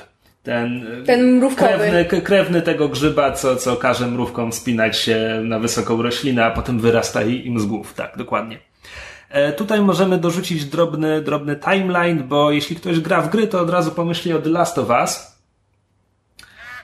The Last of Us ukazało się w 2013, książka w 2014, natomiast sama książka jest rozwinięciem pomysłu, który, który Kerry przedstawił w opowiadaniu zawartym w jakiejś antologii parę lat wcześniej bodajże. Więc to jest jakby, nikt tutaj jest nikogo nie ściąga, no po prostu jak robisz coś o zombie i myślisz sobie, a może wyjaśnić by to naukowo, googlasz i wychodzi ci grzyb południowoamerykański, więc, więc to dość oczywiste skojarzenie. No tak. Jednocześnie Kari sprzedał prawa do, znaczy, chyba nie sprzedał prawa do opowiadania, tylko napisawszy opowiadanie, zaczął je już przerabiać na scenariusz do filmu. Film już powstał, film już wyszedł. E, tak, ale zmierzam do tego, że mimo to napisał książkę i książka ukazała się wcześniej, a bo książka ukazała się w 2014, film ukazał się w zeszłym roku. I one się różnią. Wiesz co, nie wiem, bo nie widziałem filmu. Wydaje mi się, że w pewien sposób tak. Mhm. E, jakby posłowie samego Kareja do książki sugeruje, że, że, że się różnią. A, to ciekawe. E, przy czym, przy czym e, jeszcze, żeby dokończyć wątek, film też nazywa się The Girl with All the Gifts, natomiast po polsku książka została wydana pod tytułem Pandora, bo byłoby, wiesz, no trzeba dosłowniej, tak, do polskiego odbiorcy, oczywiście, że trzeba dosłowniej. E, natomiast film, według film webu nazywa się Wszechstronna dziewczyna, więc jest tutaj pewien kociokwik. No tak. I teraz tak. To, co zaraz powiem, ktoś bardzo przeczulony może uznać za spoiler, ale mówimy o pierwszych 20 stronach powieści, więc jest trochę trudno. A w ogóle mam zamiar mówić o pierwszej jednej trzeciej, więc bójcie się. E, natomiast jeśli nie chcecie tego słyszeć, to mogę tylko powiedzieć, warto, e, książka opiera się na eksplorowaniu czwórki postaci i wzajemnych relacji w sytuacji oczywiście ekstremalnego zagrożenia, wiadomo, zombie. E, Jest bardzo dobra, jest po prostu bardzo dobra. Także jeśli nie chcecie słyszeć więcej, polecam, sięgnijcie po to. Jeśli chcecie usłyszeć więcej, no to poznajemy tytułową bohaterkę, dziewczynkę o imieniu Melanie, która jest w jakimś ośrodku naukowym i codziennie ma zajęcia z grupą dzieci. A my niemalże od razu dowiadujemy się, że coś tutaj jest nie tak, bo Melanie e, przebywa w celi. Kiedy jest wyprowadzana na zajęcia, to trzech żołnierzy mają ciągle na muszce, przywiązują ją do e, wózka, wózka inwalidzkiego, przewożą, zakładają jej kaganiec. No bo poza ośrodkiem naukowym i poza jakąś jedną pobliską ludzką społecznością, zasadniczo świat leży w ruinach, a, a, a w tych ruinach chadzają głodni. Bo to jest jedna z tych apokalips zombie, gdzie nikt nie używa słowa zombie, więc w powieści są hungries. Nie wiem, jak to przełożono na polski. A, więc oczywiście Melanie sama w sobie jest, sama jest jedną z tych hungries, ale nie do końca, bo ci wszyscy są typowymi bezmózgimi zombie, a Melanie jest dziesięcioletnią dziewczynką, która chętnie się uczy, lubi e, greckie mity i tak dalej. W bazie jest jeszcze dr Caldwell, która e, bada te dzieci. Przez bada te dzieci mam na myśli, robi sekcję ich mózgów. A, Znaczy, czekaj, bo mówisz te dzieci, czyli pozostałe dzieci też są hungries, czy... Wszystkie dzieci w tym ośrodku to są tak. To, to, są, to są małe zombie dzieci. Um, Dr Caldwell jest tutaj tą, tą wiesz, beznamiętną, oddaną nauce, która, która postrzega te dzieci tylko jako obiekty do zbadania. Jest Helen Justino, albo Justino, nie wiem jak to się powinno wymawiać, e, która jest nominalnie jest nauczycielką tych dzieci, tak naprawdę jej zadaniem jest obserwowanie ich rozwoju psychologicznego, jakby badanie ich od tej strony, no ale ponieważ ma z nimi regularny kontakt, to No jakby tak. ona jest jakby bliżej się z nimi zapoznaje. E, Jest sierżant Parks, który, który e, jest Odpo- odpowiada za ochronę Właśnie, chciałam się zapytać, tak? czy head of security. Tak. E, I e, potem już tam koło tej jednej trzeciej do, do, do głównej obsady dołącza jeszcze szeregowy Gallagher, który jest e, młodym gościem i tak dalej. E, I teraz tak, pierwszy akt powieści to jest właśnie życie tego ośrodka, to, to czemu on służy. Tam dowiadujemy się o, o stanie świata.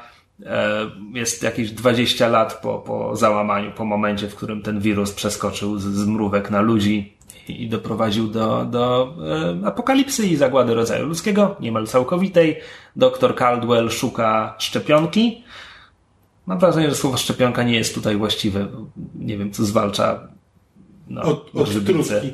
Być może. Odgrzybiacz. Tak.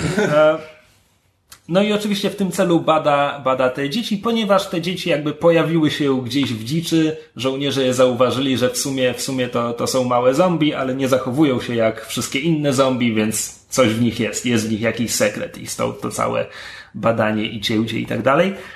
No i na koniec pierwszego aktu dochodzi do wydarzenia, mniejsza o to jakiego, które, która które zmusza opisaną piątkę postaci do wyruszenia w drogę. Tutaj mamy ten element podróży przez trudny teren.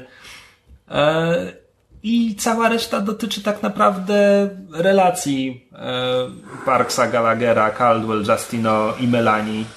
Wszystkich, wszystkich ze sobą i, i nawzajem. Poznajemy ich głębiej, poznajemy kierujące nimi motywy. E, Większość z nich okazuje się być sympatyczniejsza niż początkowo zakładaliśmy. Nawet dr Caldwell można zrozumieć. Jednocześnie też na koniec tego pierwszego aktu e, mamy taki bardzo wyraźny sygnał od narratora, że co najmniej dwie z tych postaci, jakby one już mają wyrok śmierci i nie ma mowy, żeby, żeby dożyły do końca książki. E, więc to nadaje takie pewne dodatkowe napięcie, tak? I tak, i tak jest trudna sytuacja i No w tak. ogóle, e, ale, ale ten taki jakby wyraźny, wyraźny, e, no, wy- wyraźny, wyraźny wyrok, który na, który na nich, e, o Jezus, Maria, zakało, się w tym zdaniu kompletnie. A to ci się rzadko zdarza. Spoko, Kamil i tak nie wytnie. Tak, wiem. W każdym razie dwie z tych postaci są jakby naznaczone śmiercią i wiemy, że co by się nie wydarzyło, one na pewno nie dożyją końca. Reszta, kto wie. E, I to jest w zasadzie cała powieść. Ten pierwszy akt, on tam pokrywa kilka miesięcy, tak dość pobieżnie po prostu przedstawia nam wstępnie postaci, świat, problem. A potem reszta książki, akcja toczy się w ciągu, nie wiem, czterech, może pięciu dni. E, gdzieś tam po drodze pojawia się jeszcze kwestia samego, samego grzyba. Pytanie, o co mu naprawdę chodzi, jest o tyle niewłaściwe, że mówimy o grzybie. On nie ma.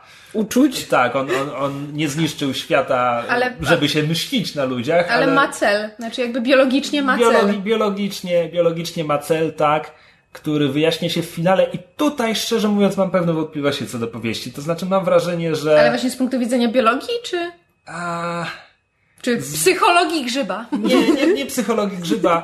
E, bardziej chodzi mi o Nowy ogromny, kierunek na UW. ogromny zbieg okoliczności, który, który prowadzi do tam pewnych wydarzeń w finale. E, już nie chcę, nie chcę w to wchodzić. To jakby nie, nie przekreśla w żaden sposób całej powieści, e, która jest jakby z tych, to jest szósta w tym momencie książka Kareja, którą czytałem, bo Kastorze napisał bodajże pięć, jest absolutnie najlepsza, jakby E, no oczywiście tamte to były takie w miarę lekkie, rozrywkowe, nawet jeśli posełpne i ponure powieści, gdzie ludziom dzieją się złe rzeczy, bo upiory i w ogóle, ale jakby The Girl with All the Gifts jest zdecydowanie lepsza. Ja słyszałam o niej bardzo dobre rzeczy, się przymierzam.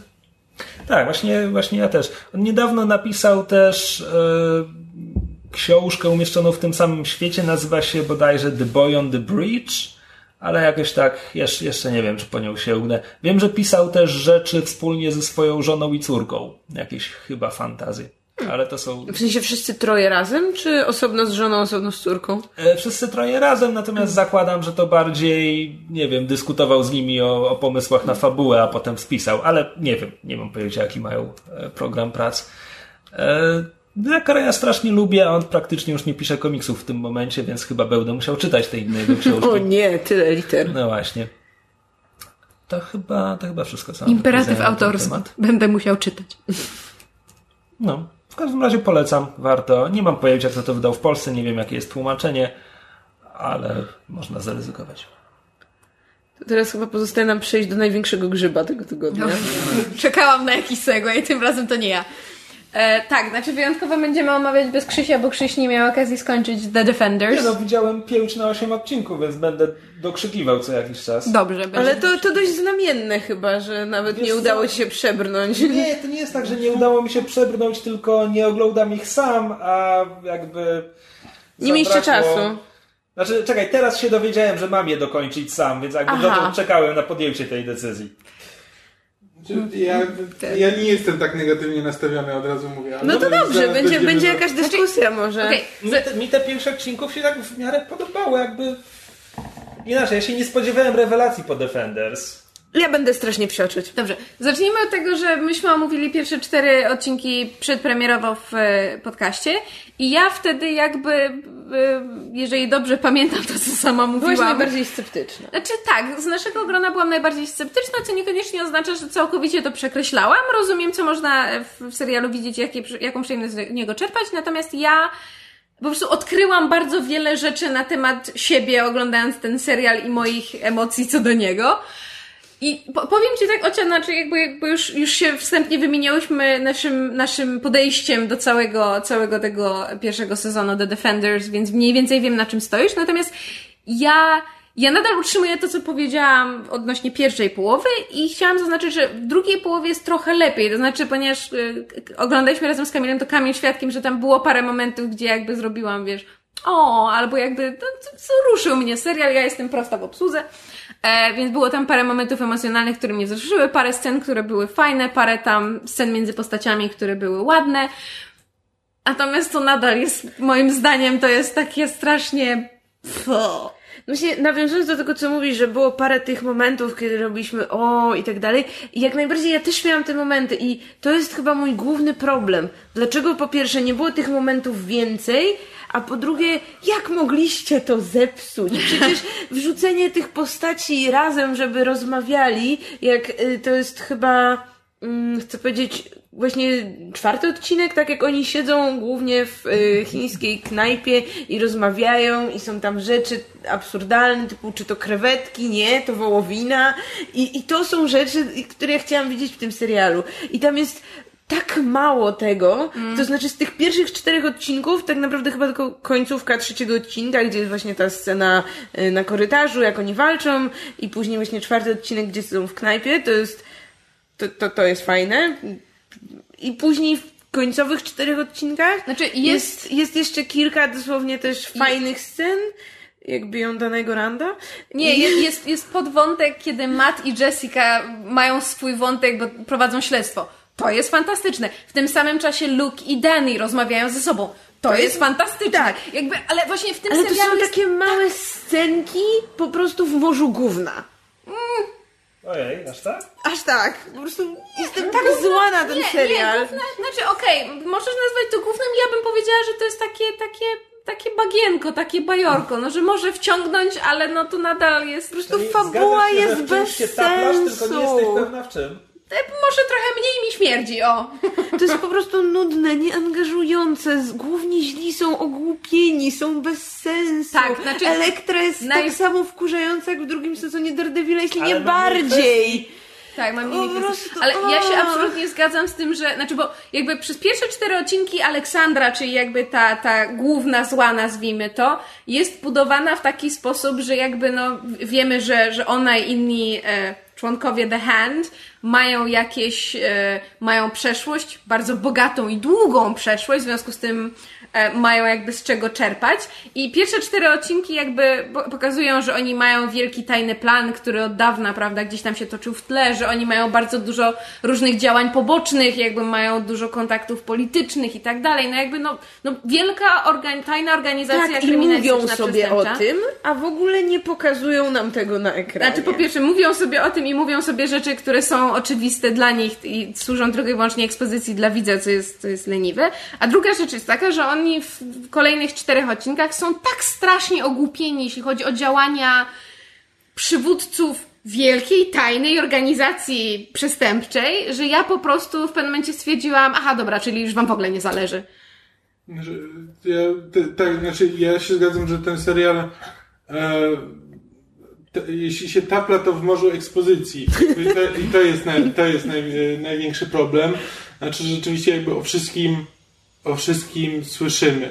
Znaczy, że jeśli chcę, znaczy tak, żeby be- bezspoilerowo, ale jakby motywacja y, głównej złej jest w którymś momencie po prostu ona o niej mówi. Ale jakby w żaden sposób, te, w żaden sposób tego nie czujemy, nie widzimy. E, Kiedy serial nam ją przedstawia, chce nam ją pokazać jako taką e, takie, ma, mam wrażenie, że serial bardzo stara się zrobić ją trochę tak jak Kingpina, bo Kingpina nam pokazywał jakby właśnie jako tego trochę, że jakby ten, te, w Kingpin miał taki wysublimowany gust i zawsze jak, jak go widzieliśmy na początku, to on zawsze był albo w galerii, albo jadł jakąś wykwi- wykwintną potrawę i jakby tutaj próbuje robić to samo, ale to zazwyczaj się ogranicza do tego, że jak się pojawia na ekranie, to leci muzyka klasyczna. Tak, i Albo ona ładnie- wręcz- i jest ładnie ubrana. siedzi i, te, i, i słucha muzyki klasycznej. E, tak, i, i wszystko jest, i wszystko jest w, tych, w tej bieli. Jakby no, serial sobie wymyślił, że no wszystkie, ten, że tak jak mówiliśmy poprzednio, że wszystkie postaci bohaterów mają swój kolor, no i główna zła też ma swój kolor. Przy czym to jest najnudniejszy kolor jakby wszystkie sceny przez to wyglądają, wyglądają tak dosyć, dosyć e, sterylnie. Przy czym jakby ta sterylność też nie dodaje jej postaci nic ciekawego. Znaczy tylko sprawia, że jakby już nudna postać staje się jeszcze nudniejsza, bo jest jakby pokazywana cały czas jakby w tym, w tym sterylnym otoczeniu bez niczego, bez niczego ciekawego, co by, co by jakoś budowało jej charakter. A wszystko, co buduje jej charakter, to jest tylko to, o czym ona mówi. I to jest właśnie, i to jest największy ten problem tego serialu. I właśnie e, cholera jasna, tak jak przy każdym serialu mówiliśmy, że 13 odcinków to jest za dużo, powinno być ich mniej, bo wtedy by się ten.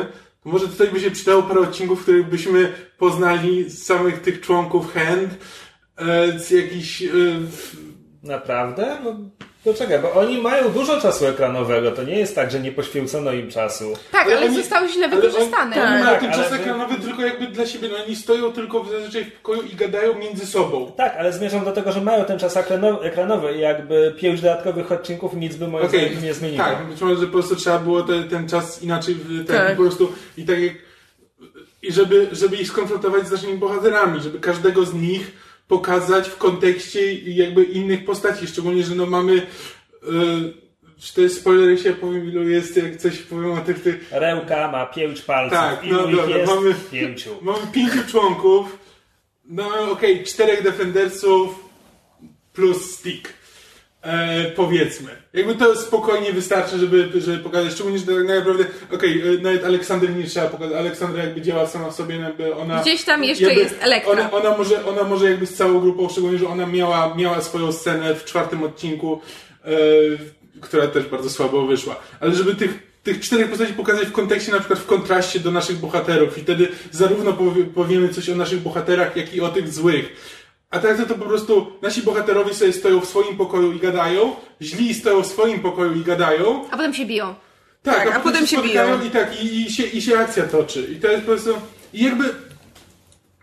Ja, ja nie mówię, że ten serial nie ma, nie ma swoich wad. Mi się go wciąż przyjemnie oglądało. Tam jest sporo fajnych, tam jest sporo fajnych momentów, jakby ja lubię te postaci. Właśnie spędziłeś ostatnie parę minut wymieniając jego wady, więc Tak, no to faktycznie są- nie mówisz, że nie ma wad. Nie no, to są naj... bo jakby jak już dochodzi do akcji, to jakby mi się ta akcja podoba. Jakby ja nie mam nic, y, nic przeciwko niej.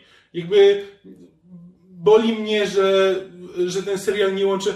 Jakby Daredevil łączył akcję z fabułą zawsze.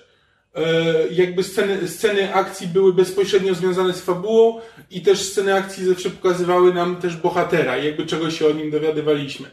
Tutaj jakby tego nie ma. Jest, jest e, strefa gadania o planach i jest strefa wykonywania planów. E, I to się w żaden sposób ze sobą nie łączy. Jakby jedno, ta jedna, ta jedna sfera nie wpływa w żaden sposób na tą drugą. Co jakby nie zmienia faktu, że mi się ta, ta, ta akcja, te ninjasy, jakby ja już się przyzwyczaiłem do ninjasów. Jakby było jasne, że ci ninjasi będą głównym tematem No tego. właśnie, ale tu jakby... prawie nie było tych mm, hordów ninjasów. Nie, nie było, ale jakby cały ten, chodzi mi bardziej o te mistyczne jakby wszystkie wątki e, z, nie wiadomo co. Jakby ja się, ja się pogodziłem z tym, że to, to, że to będzie główny temat, jakby to mi nie przeszkadza e, w, w żaden sposób. Tylko po prostu no, boli mnie, że boli mnie, że nikt nie włożył. To jest niestety ten problem, co, co w Iron Fistie. Jakby widać, że ktoś tam miał jakiś pomysł, ale kompletnie nie wiedział, jak go wykonać. Jak go pokazać. Znaczy tam są pomysły, że gdyby tylko y, ma, ten materiał, który był dla tego serialu, wziął ktoś, kto wie, jak go pokazać, a nie tylko jak go opisać, to to byłby od razu, od razu dużo lepszy serial. Pytanie. E, to znaczy, bo wy mówicie, że Aleksandra jest nudna. Ja mam jeszcze trzy odcinki, żeby się o tym przekonać, ale, ale jeśli faktycznie. Bo, bo jakby po pierwszych pięciu ja o tej postaci nic nie wiem, poza Tak, tym, i że. więc niczego więcej nie dowiesz. Okej, więc tak się zastanawiam, czy może nie było. Czy może twórcy nie strzelili sobie w stopę w ogóle wprowadzając tę postać, czy nie lepiej byłoby odkryć, że Madame Gao jest głową Hydry, bo a, Madame Hydry, e, Hand, bo a, e, Madame Gao jest fajna i sympatycznie dogaduje bohaterom i b, jest w Netflixie od początku, jest od pierwszego sezonu Daredevila, jest postacią, którą kojarzymy i jakby nawet jeśli jest enigmatyczną, to mimo wszystko przyzwyczailiśmy się Ale do niej. tu też głupio działa, tu też ją ogłupili niestety, No bo ona jest- była budowana wcześniej jako bardzo inteligentny przywódca, który jakby wie kiedy się wycofać, wie kiedy zadziałać. Tak, w tym serialu zrobili z niej takiego Była nawet, trochę. tak, była nawet całkiem mocnym punktem Iron Fista, tak? Przy wszystkich wadach tego serialu. Akurat moim zdaniem ona tam wyszła, a, Nie, a każdym tu nie działa. była- tu była nie bardzo, działa. Bardzo mocnym punktem. Znaczy- Tu ona przychodzi i, że tak powiem, no, żu, żu, żu, magicznie popycha ludzi, no. I to jest, to jest Tak, i, jej rola w tym i serialu. próbuje siać zamęt i jej nie wychodzi, bo jest nieumiejętnie napisana. Ale jakby, znaczy, im dłużej nad tym myślę, tym, tym więcej mi po prostu rzeczy w tym serialu nie działa. Tak jak wcześniej mówiliśmy w podcaście a propos y, głupio działającej policji. To, co tutaj wyczynia policja i na co oni się zgadzają i jakby jak oni są zaangażowani w tę fabułę od pewnego momentu jest kuriozalne.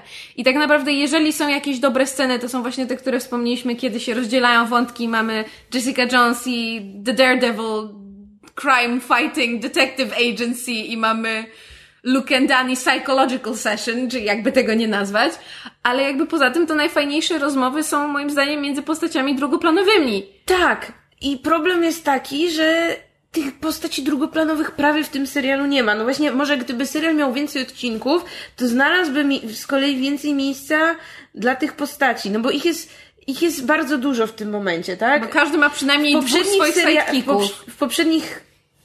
Tak? Mogę?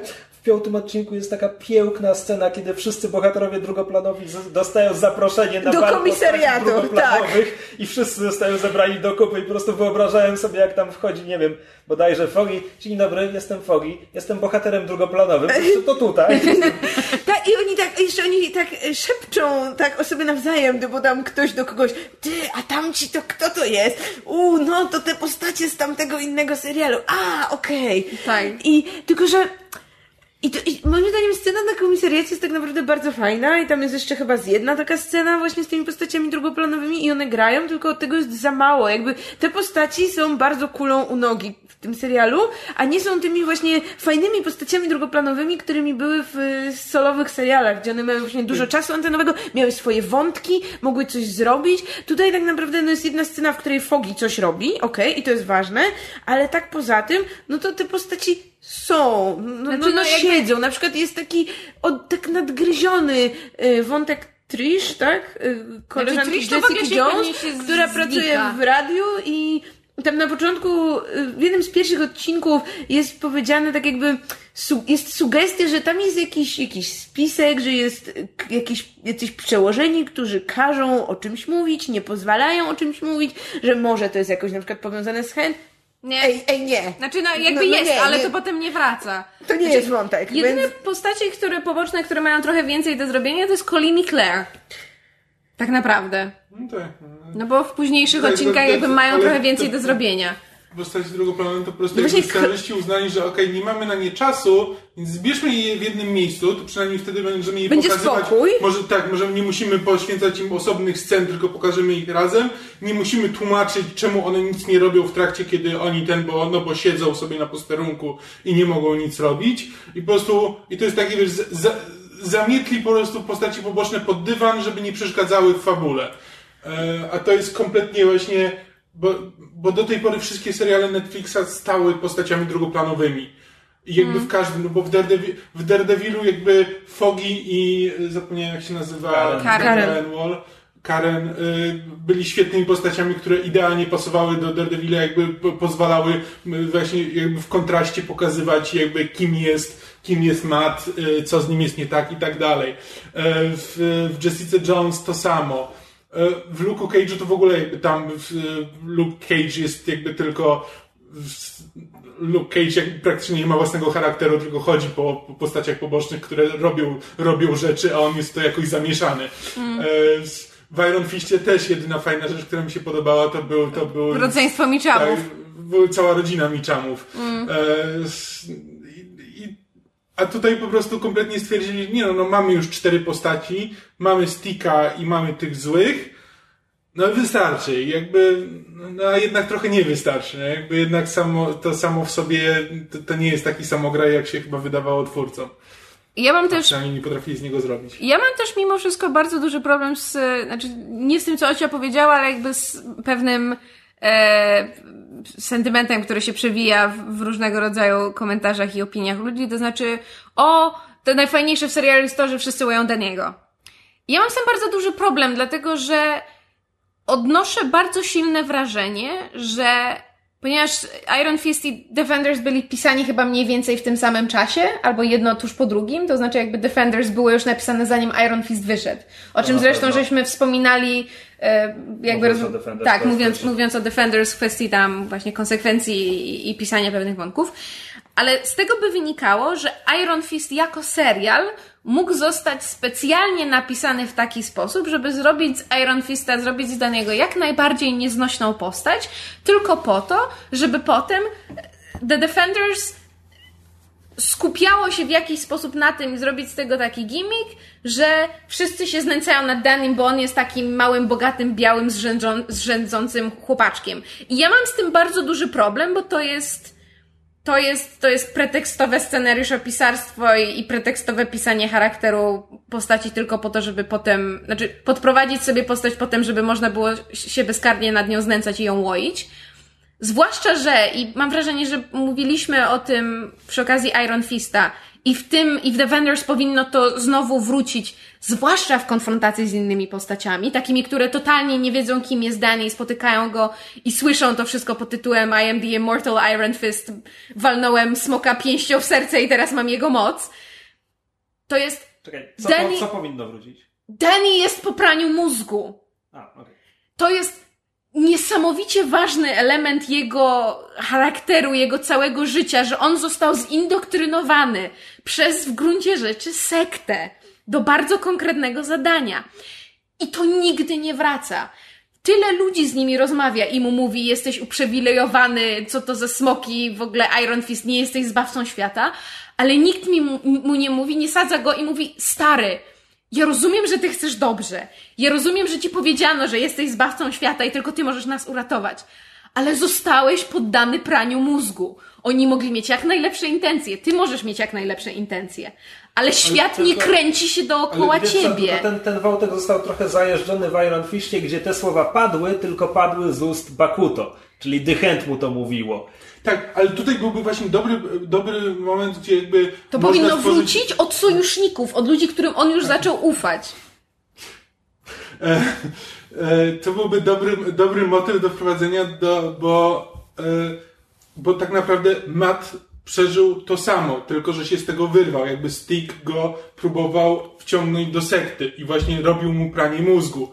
I on, się, Elektra. i, on się z tego, I on się z tego wydostał. I jakby gdyby Matt porozmawiał sobie z Danim jakby sensownie, to zarówno Dani by na tym zyskał, jak i, jak i Matt. I jakby z obie postaci wtedy można by było pokazać fajnie No tak, na. I, I to jest o tyle istotniejsze, że Matt w tym momencie widzi, jak Elektra przez to przechodzi. Po raz drugi, bo też jest przecież uczennicą No dobrze, ale Sticka. Drugi sezon Daredevila dobitnie pokazuje, że Matt potrafi otworzyć swoje serce tylko przed Punisherem i w relacjach z innymi postaciami się zamyka. No tak, a on ma własny serial, w związku z tym nie mogli go tutaj dorzucić. Nie no, ale właśnie wiesz, na przykład Foggy, Karen, no jakby skoro, skoro Foggy i Karen już wiedzą, kim jest Daredevil i jak on się ma do Mata, to można by właśnie rozwinąć też relacje tych postaci, sprawiając, że Mat się przed Tak, jest, otwiera. jest taka kuriozalna scena na początku rozmowy Mata z Karen, gdzie ona go pyta, czy on nie tęskni za tym podwójnym życiem.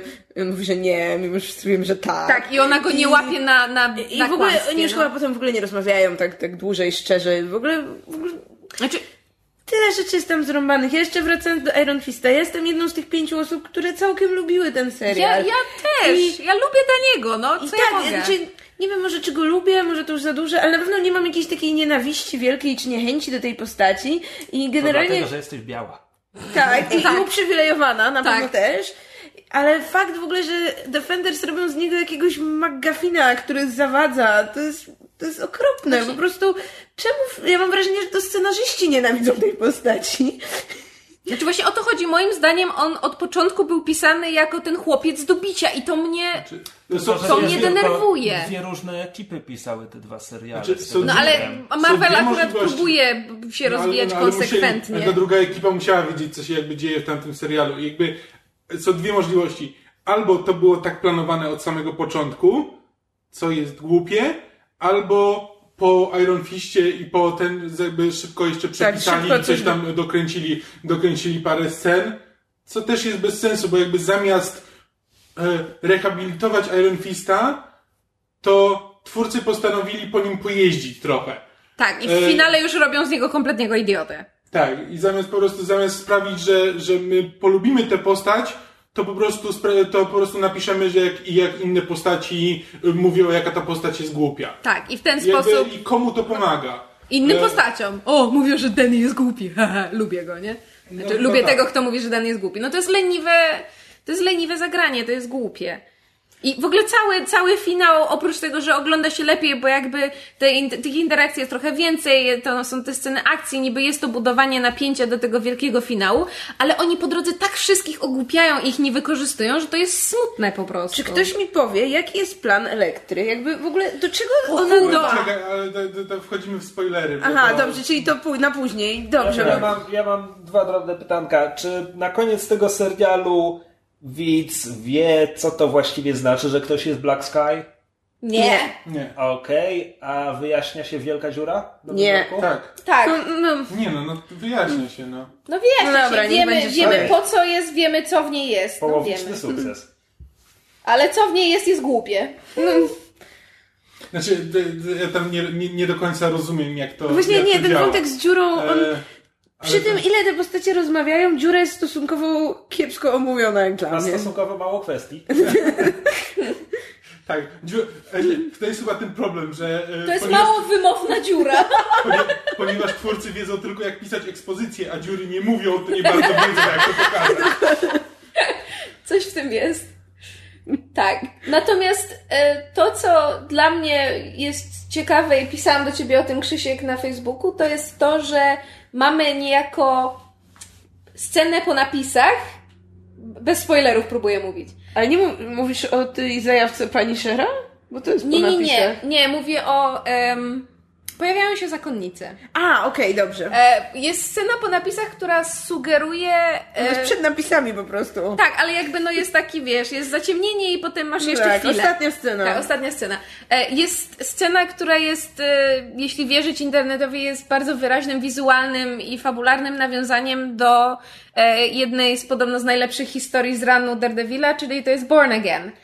To znaczy, nie musisz wierzyć internetowi, możesz uwierzyć Charlie Coxowi, który już powiedział, że trzeci sezon Daredevila będzie luźną adaptacją Born Again.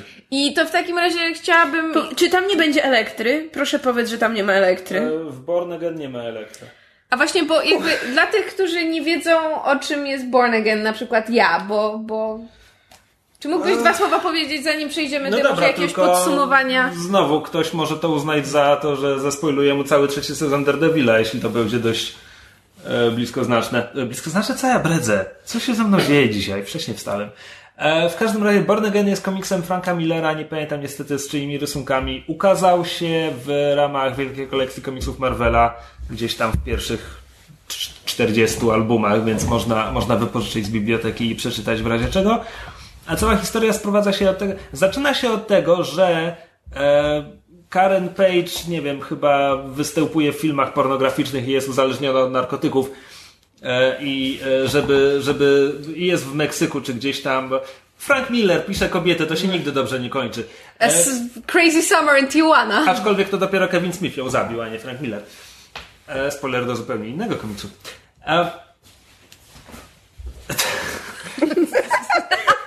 E, Przepraszamy, Drodzy słuchacze, na te słowa Kamil wstał i wyszedł. Tak, w kuluarach następuje przetasowanie. E, W każdym razie, więc, więc Karen Page za zadawkę prochów czy czegoś tam e, sprzedaje komuś tajną To- tożsamość. tożsamość Daredevila. Tak, wyjawia sekret Mata Mardoka i potem jest sekwencja, jak ten sekret przechodzi z rąk do rąk, z rąk do rąk, z ręki do ręki pieniądze i trafia oczywiście do Kingpina. I Born Again jest historią o tym, jak akt pierwszy i drugi e, Kingpin niszczy życie Mata Mardoka. To znaczy, wysa... co? A teraz przypomnij mojej zaawansowanej sklerozie. Czy w serialu Kingpin... W serialu Kingpin... Jest w więzieniu. nie, ale w serialu jakim już Kingpin jest? w więzieniu, natomiast e, gdzieś tam było pokazane, że dostawał informacje o Mardoku i wydaje mi się, że w drugim sezonie Mardok przyszedł do, z nim porozmawiać w więzieniu i była tam sugestia, że Fisk wie. No właśnie. Wydaje mi się, że drugi sezon Daredevila sugerował nam już bardzo mocno, że, że Kingpin Że się wie. domyślił, tak.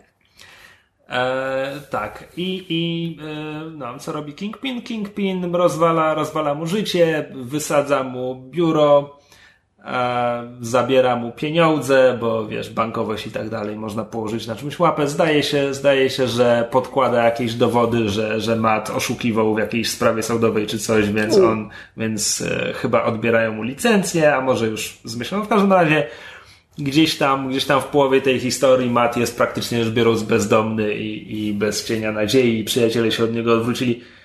Nie, chyba on się odwrócił od przyjaciół, nieważne. E, po czym ostatni akt to jest, e, no historia nazywa się Born Again, więc Matt się z tego podnosi i pokonuje Kingpina.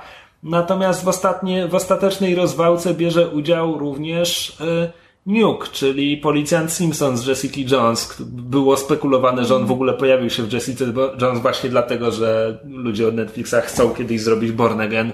Ja bym bardzo chciała go jeszcze raz zobaczyć, bo uważam, że to była fajnie napisana postać i fajnie go aktor zagrał. No. E, Gdzieś tam po drodze jeszcze wpadają Avengers, co oczywiście się nie wydarzy tutaj. E, Ale ich udział w historii nie jest bardzo istotny. Aha, to fajnie. To może być ciekawy kierunek dla trzeciego sezonu Daredevila, biorąc pod uwagę, że The Defenders... To jest też głupie w tym finale, to znaczy... To może zróbmy już sekcję spoilerową. A chcemy w ogóle? No, Znaczy, nie, tak- no bo ja nie wiem, czy Aha. chcemy Krzyśkowi spoilować w tym momencie, skoro czekają jeszcze trzy odcinki do obejrzenia. Pytanie, a to jest bardzo istotne dla waszego omówienia. Już, już powiedziałyście, że jest to bardzo Dla głupie. mnie, dla mnie nie. To znaczy, to co tylko chciałam powiedzieć, że jakby starając się nie spoilować, że finał The Defenders em, sugeruje, że Han zostało pokonane. Jakby autentycznie, na zasadzie, że trochę na takiej zasadzie, że jak utniesz te w, hydrze, wiesz, wszystkie głowy i wypalisz ogniem, to, to, to koniec. Tylko, że jakby no, myk polega na tym, że The Hand jest międzynarodową globalną organizacją przestępczą. W związku z tym to, że pokonasz paru bossów, nic nie znaczy. Co Tak, nie zmienia faktu. Defenders dość wyraźnie pokazuje nam, że ta piątka własnoręcznie steruje tym wszystkim. Tak, co nie zmienia faktu, że.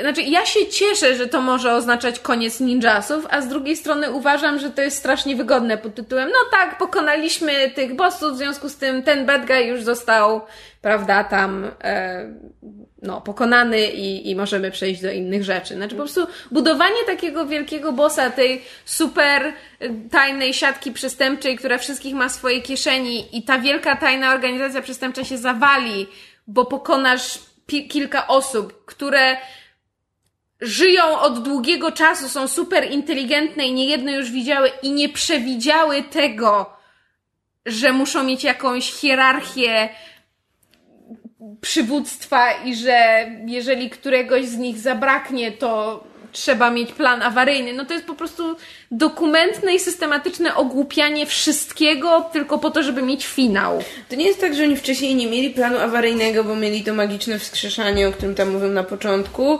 a teraz po prostu jak, że tak powiem, skończyła im się mana Tak, ale... nie mogą już się wskrzeszać, no to... Tak, ale jakby nawet jeżeli masz, e, nazwijmy to, nieśmiertelnego, który ma jakąś magiczną substancję, która mu pozwala żyć bez końca, to jeżeli żyje długo i ma jakieś doświadczenie w, e, nie wiem, w walkach, wojnach, prowadzeniu jakiejś organizacji kryminalistycznej, to to jest osoba, która niejedną rzecz bierze pod uwagę i powinna wziąć pod uwagę to, że kiedyś magiczna mana się skończy.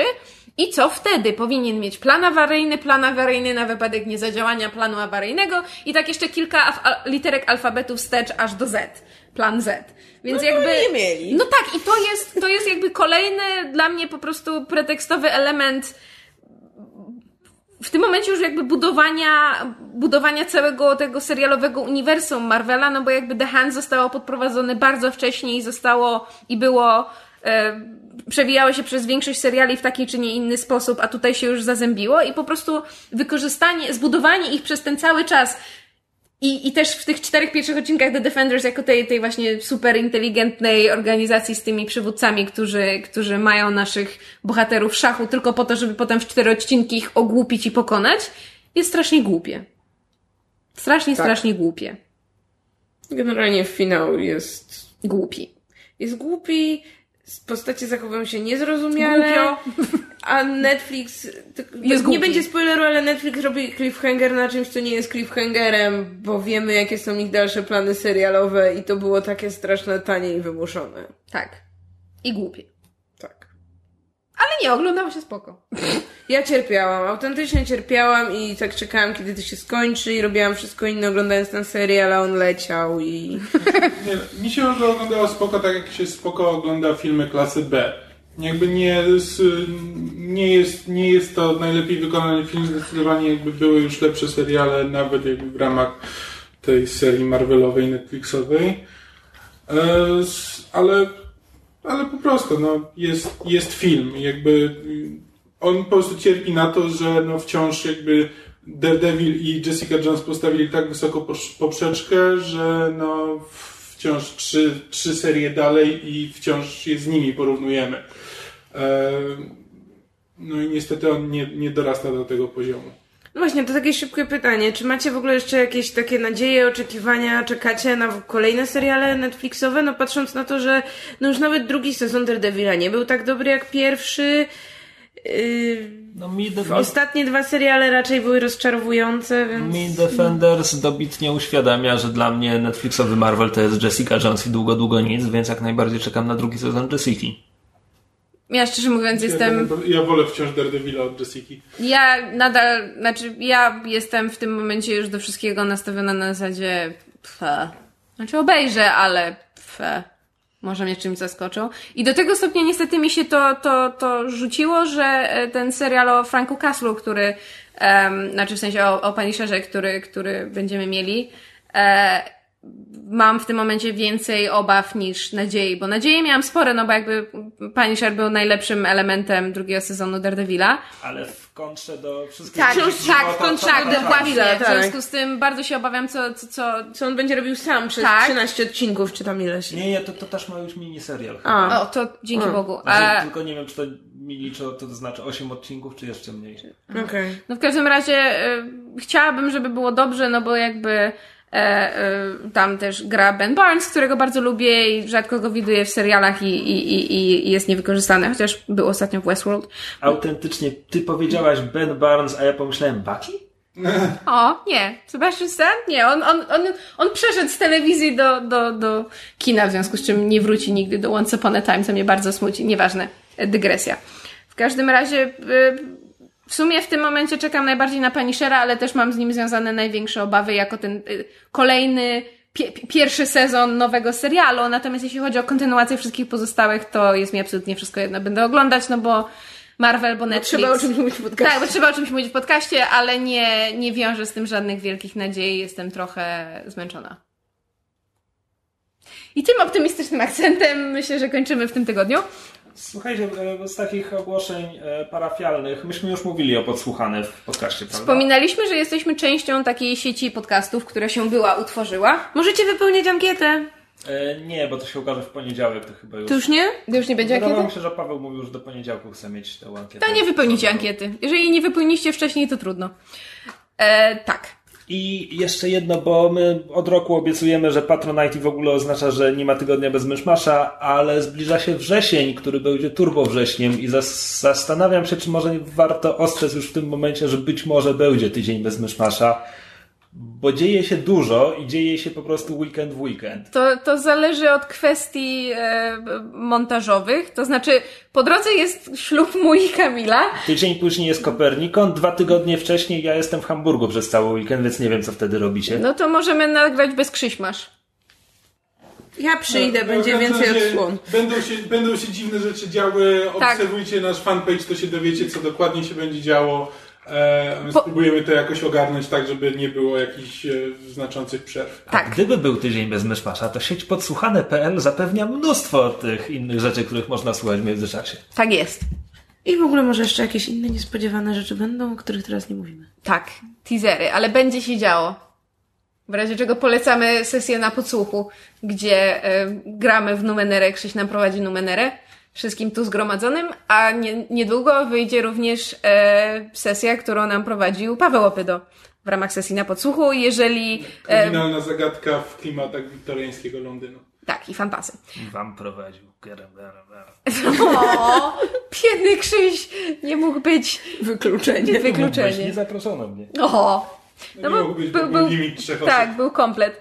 E, natomiast jeżeli e, lubicie, nie wiem, słuchać nas, je- jeżeli e, lubicie słuchać ekipy Zombie vs. Zwierz, a nigdy nie próbowaliście słuchać, jak brzmi sesja RPG rozgrywana na żywo, e, dajcie szansę, bo mieliśmy właśnie sygnały z tej e, ankiety z sieci naszej właśnie podsłuchanej. Mieliśmy sygnały, że sporo osób nigdy wcześniej nie miało do czynienia z czymś takim, a teraz są zachwycone i bardzo miło im się słucha, więc gorąco zachęcamy, żebyście e, dali szansę pierwszemu, pierwszemu odcinkowi na przykład właśnie naszych sesji na podsłuchu Numenery, albo poczekali na tę sesję z Pawłem i zobaczyli, czy wam to pasuje, bo może się okazać, że odkryjecie dla siebie nowy konik.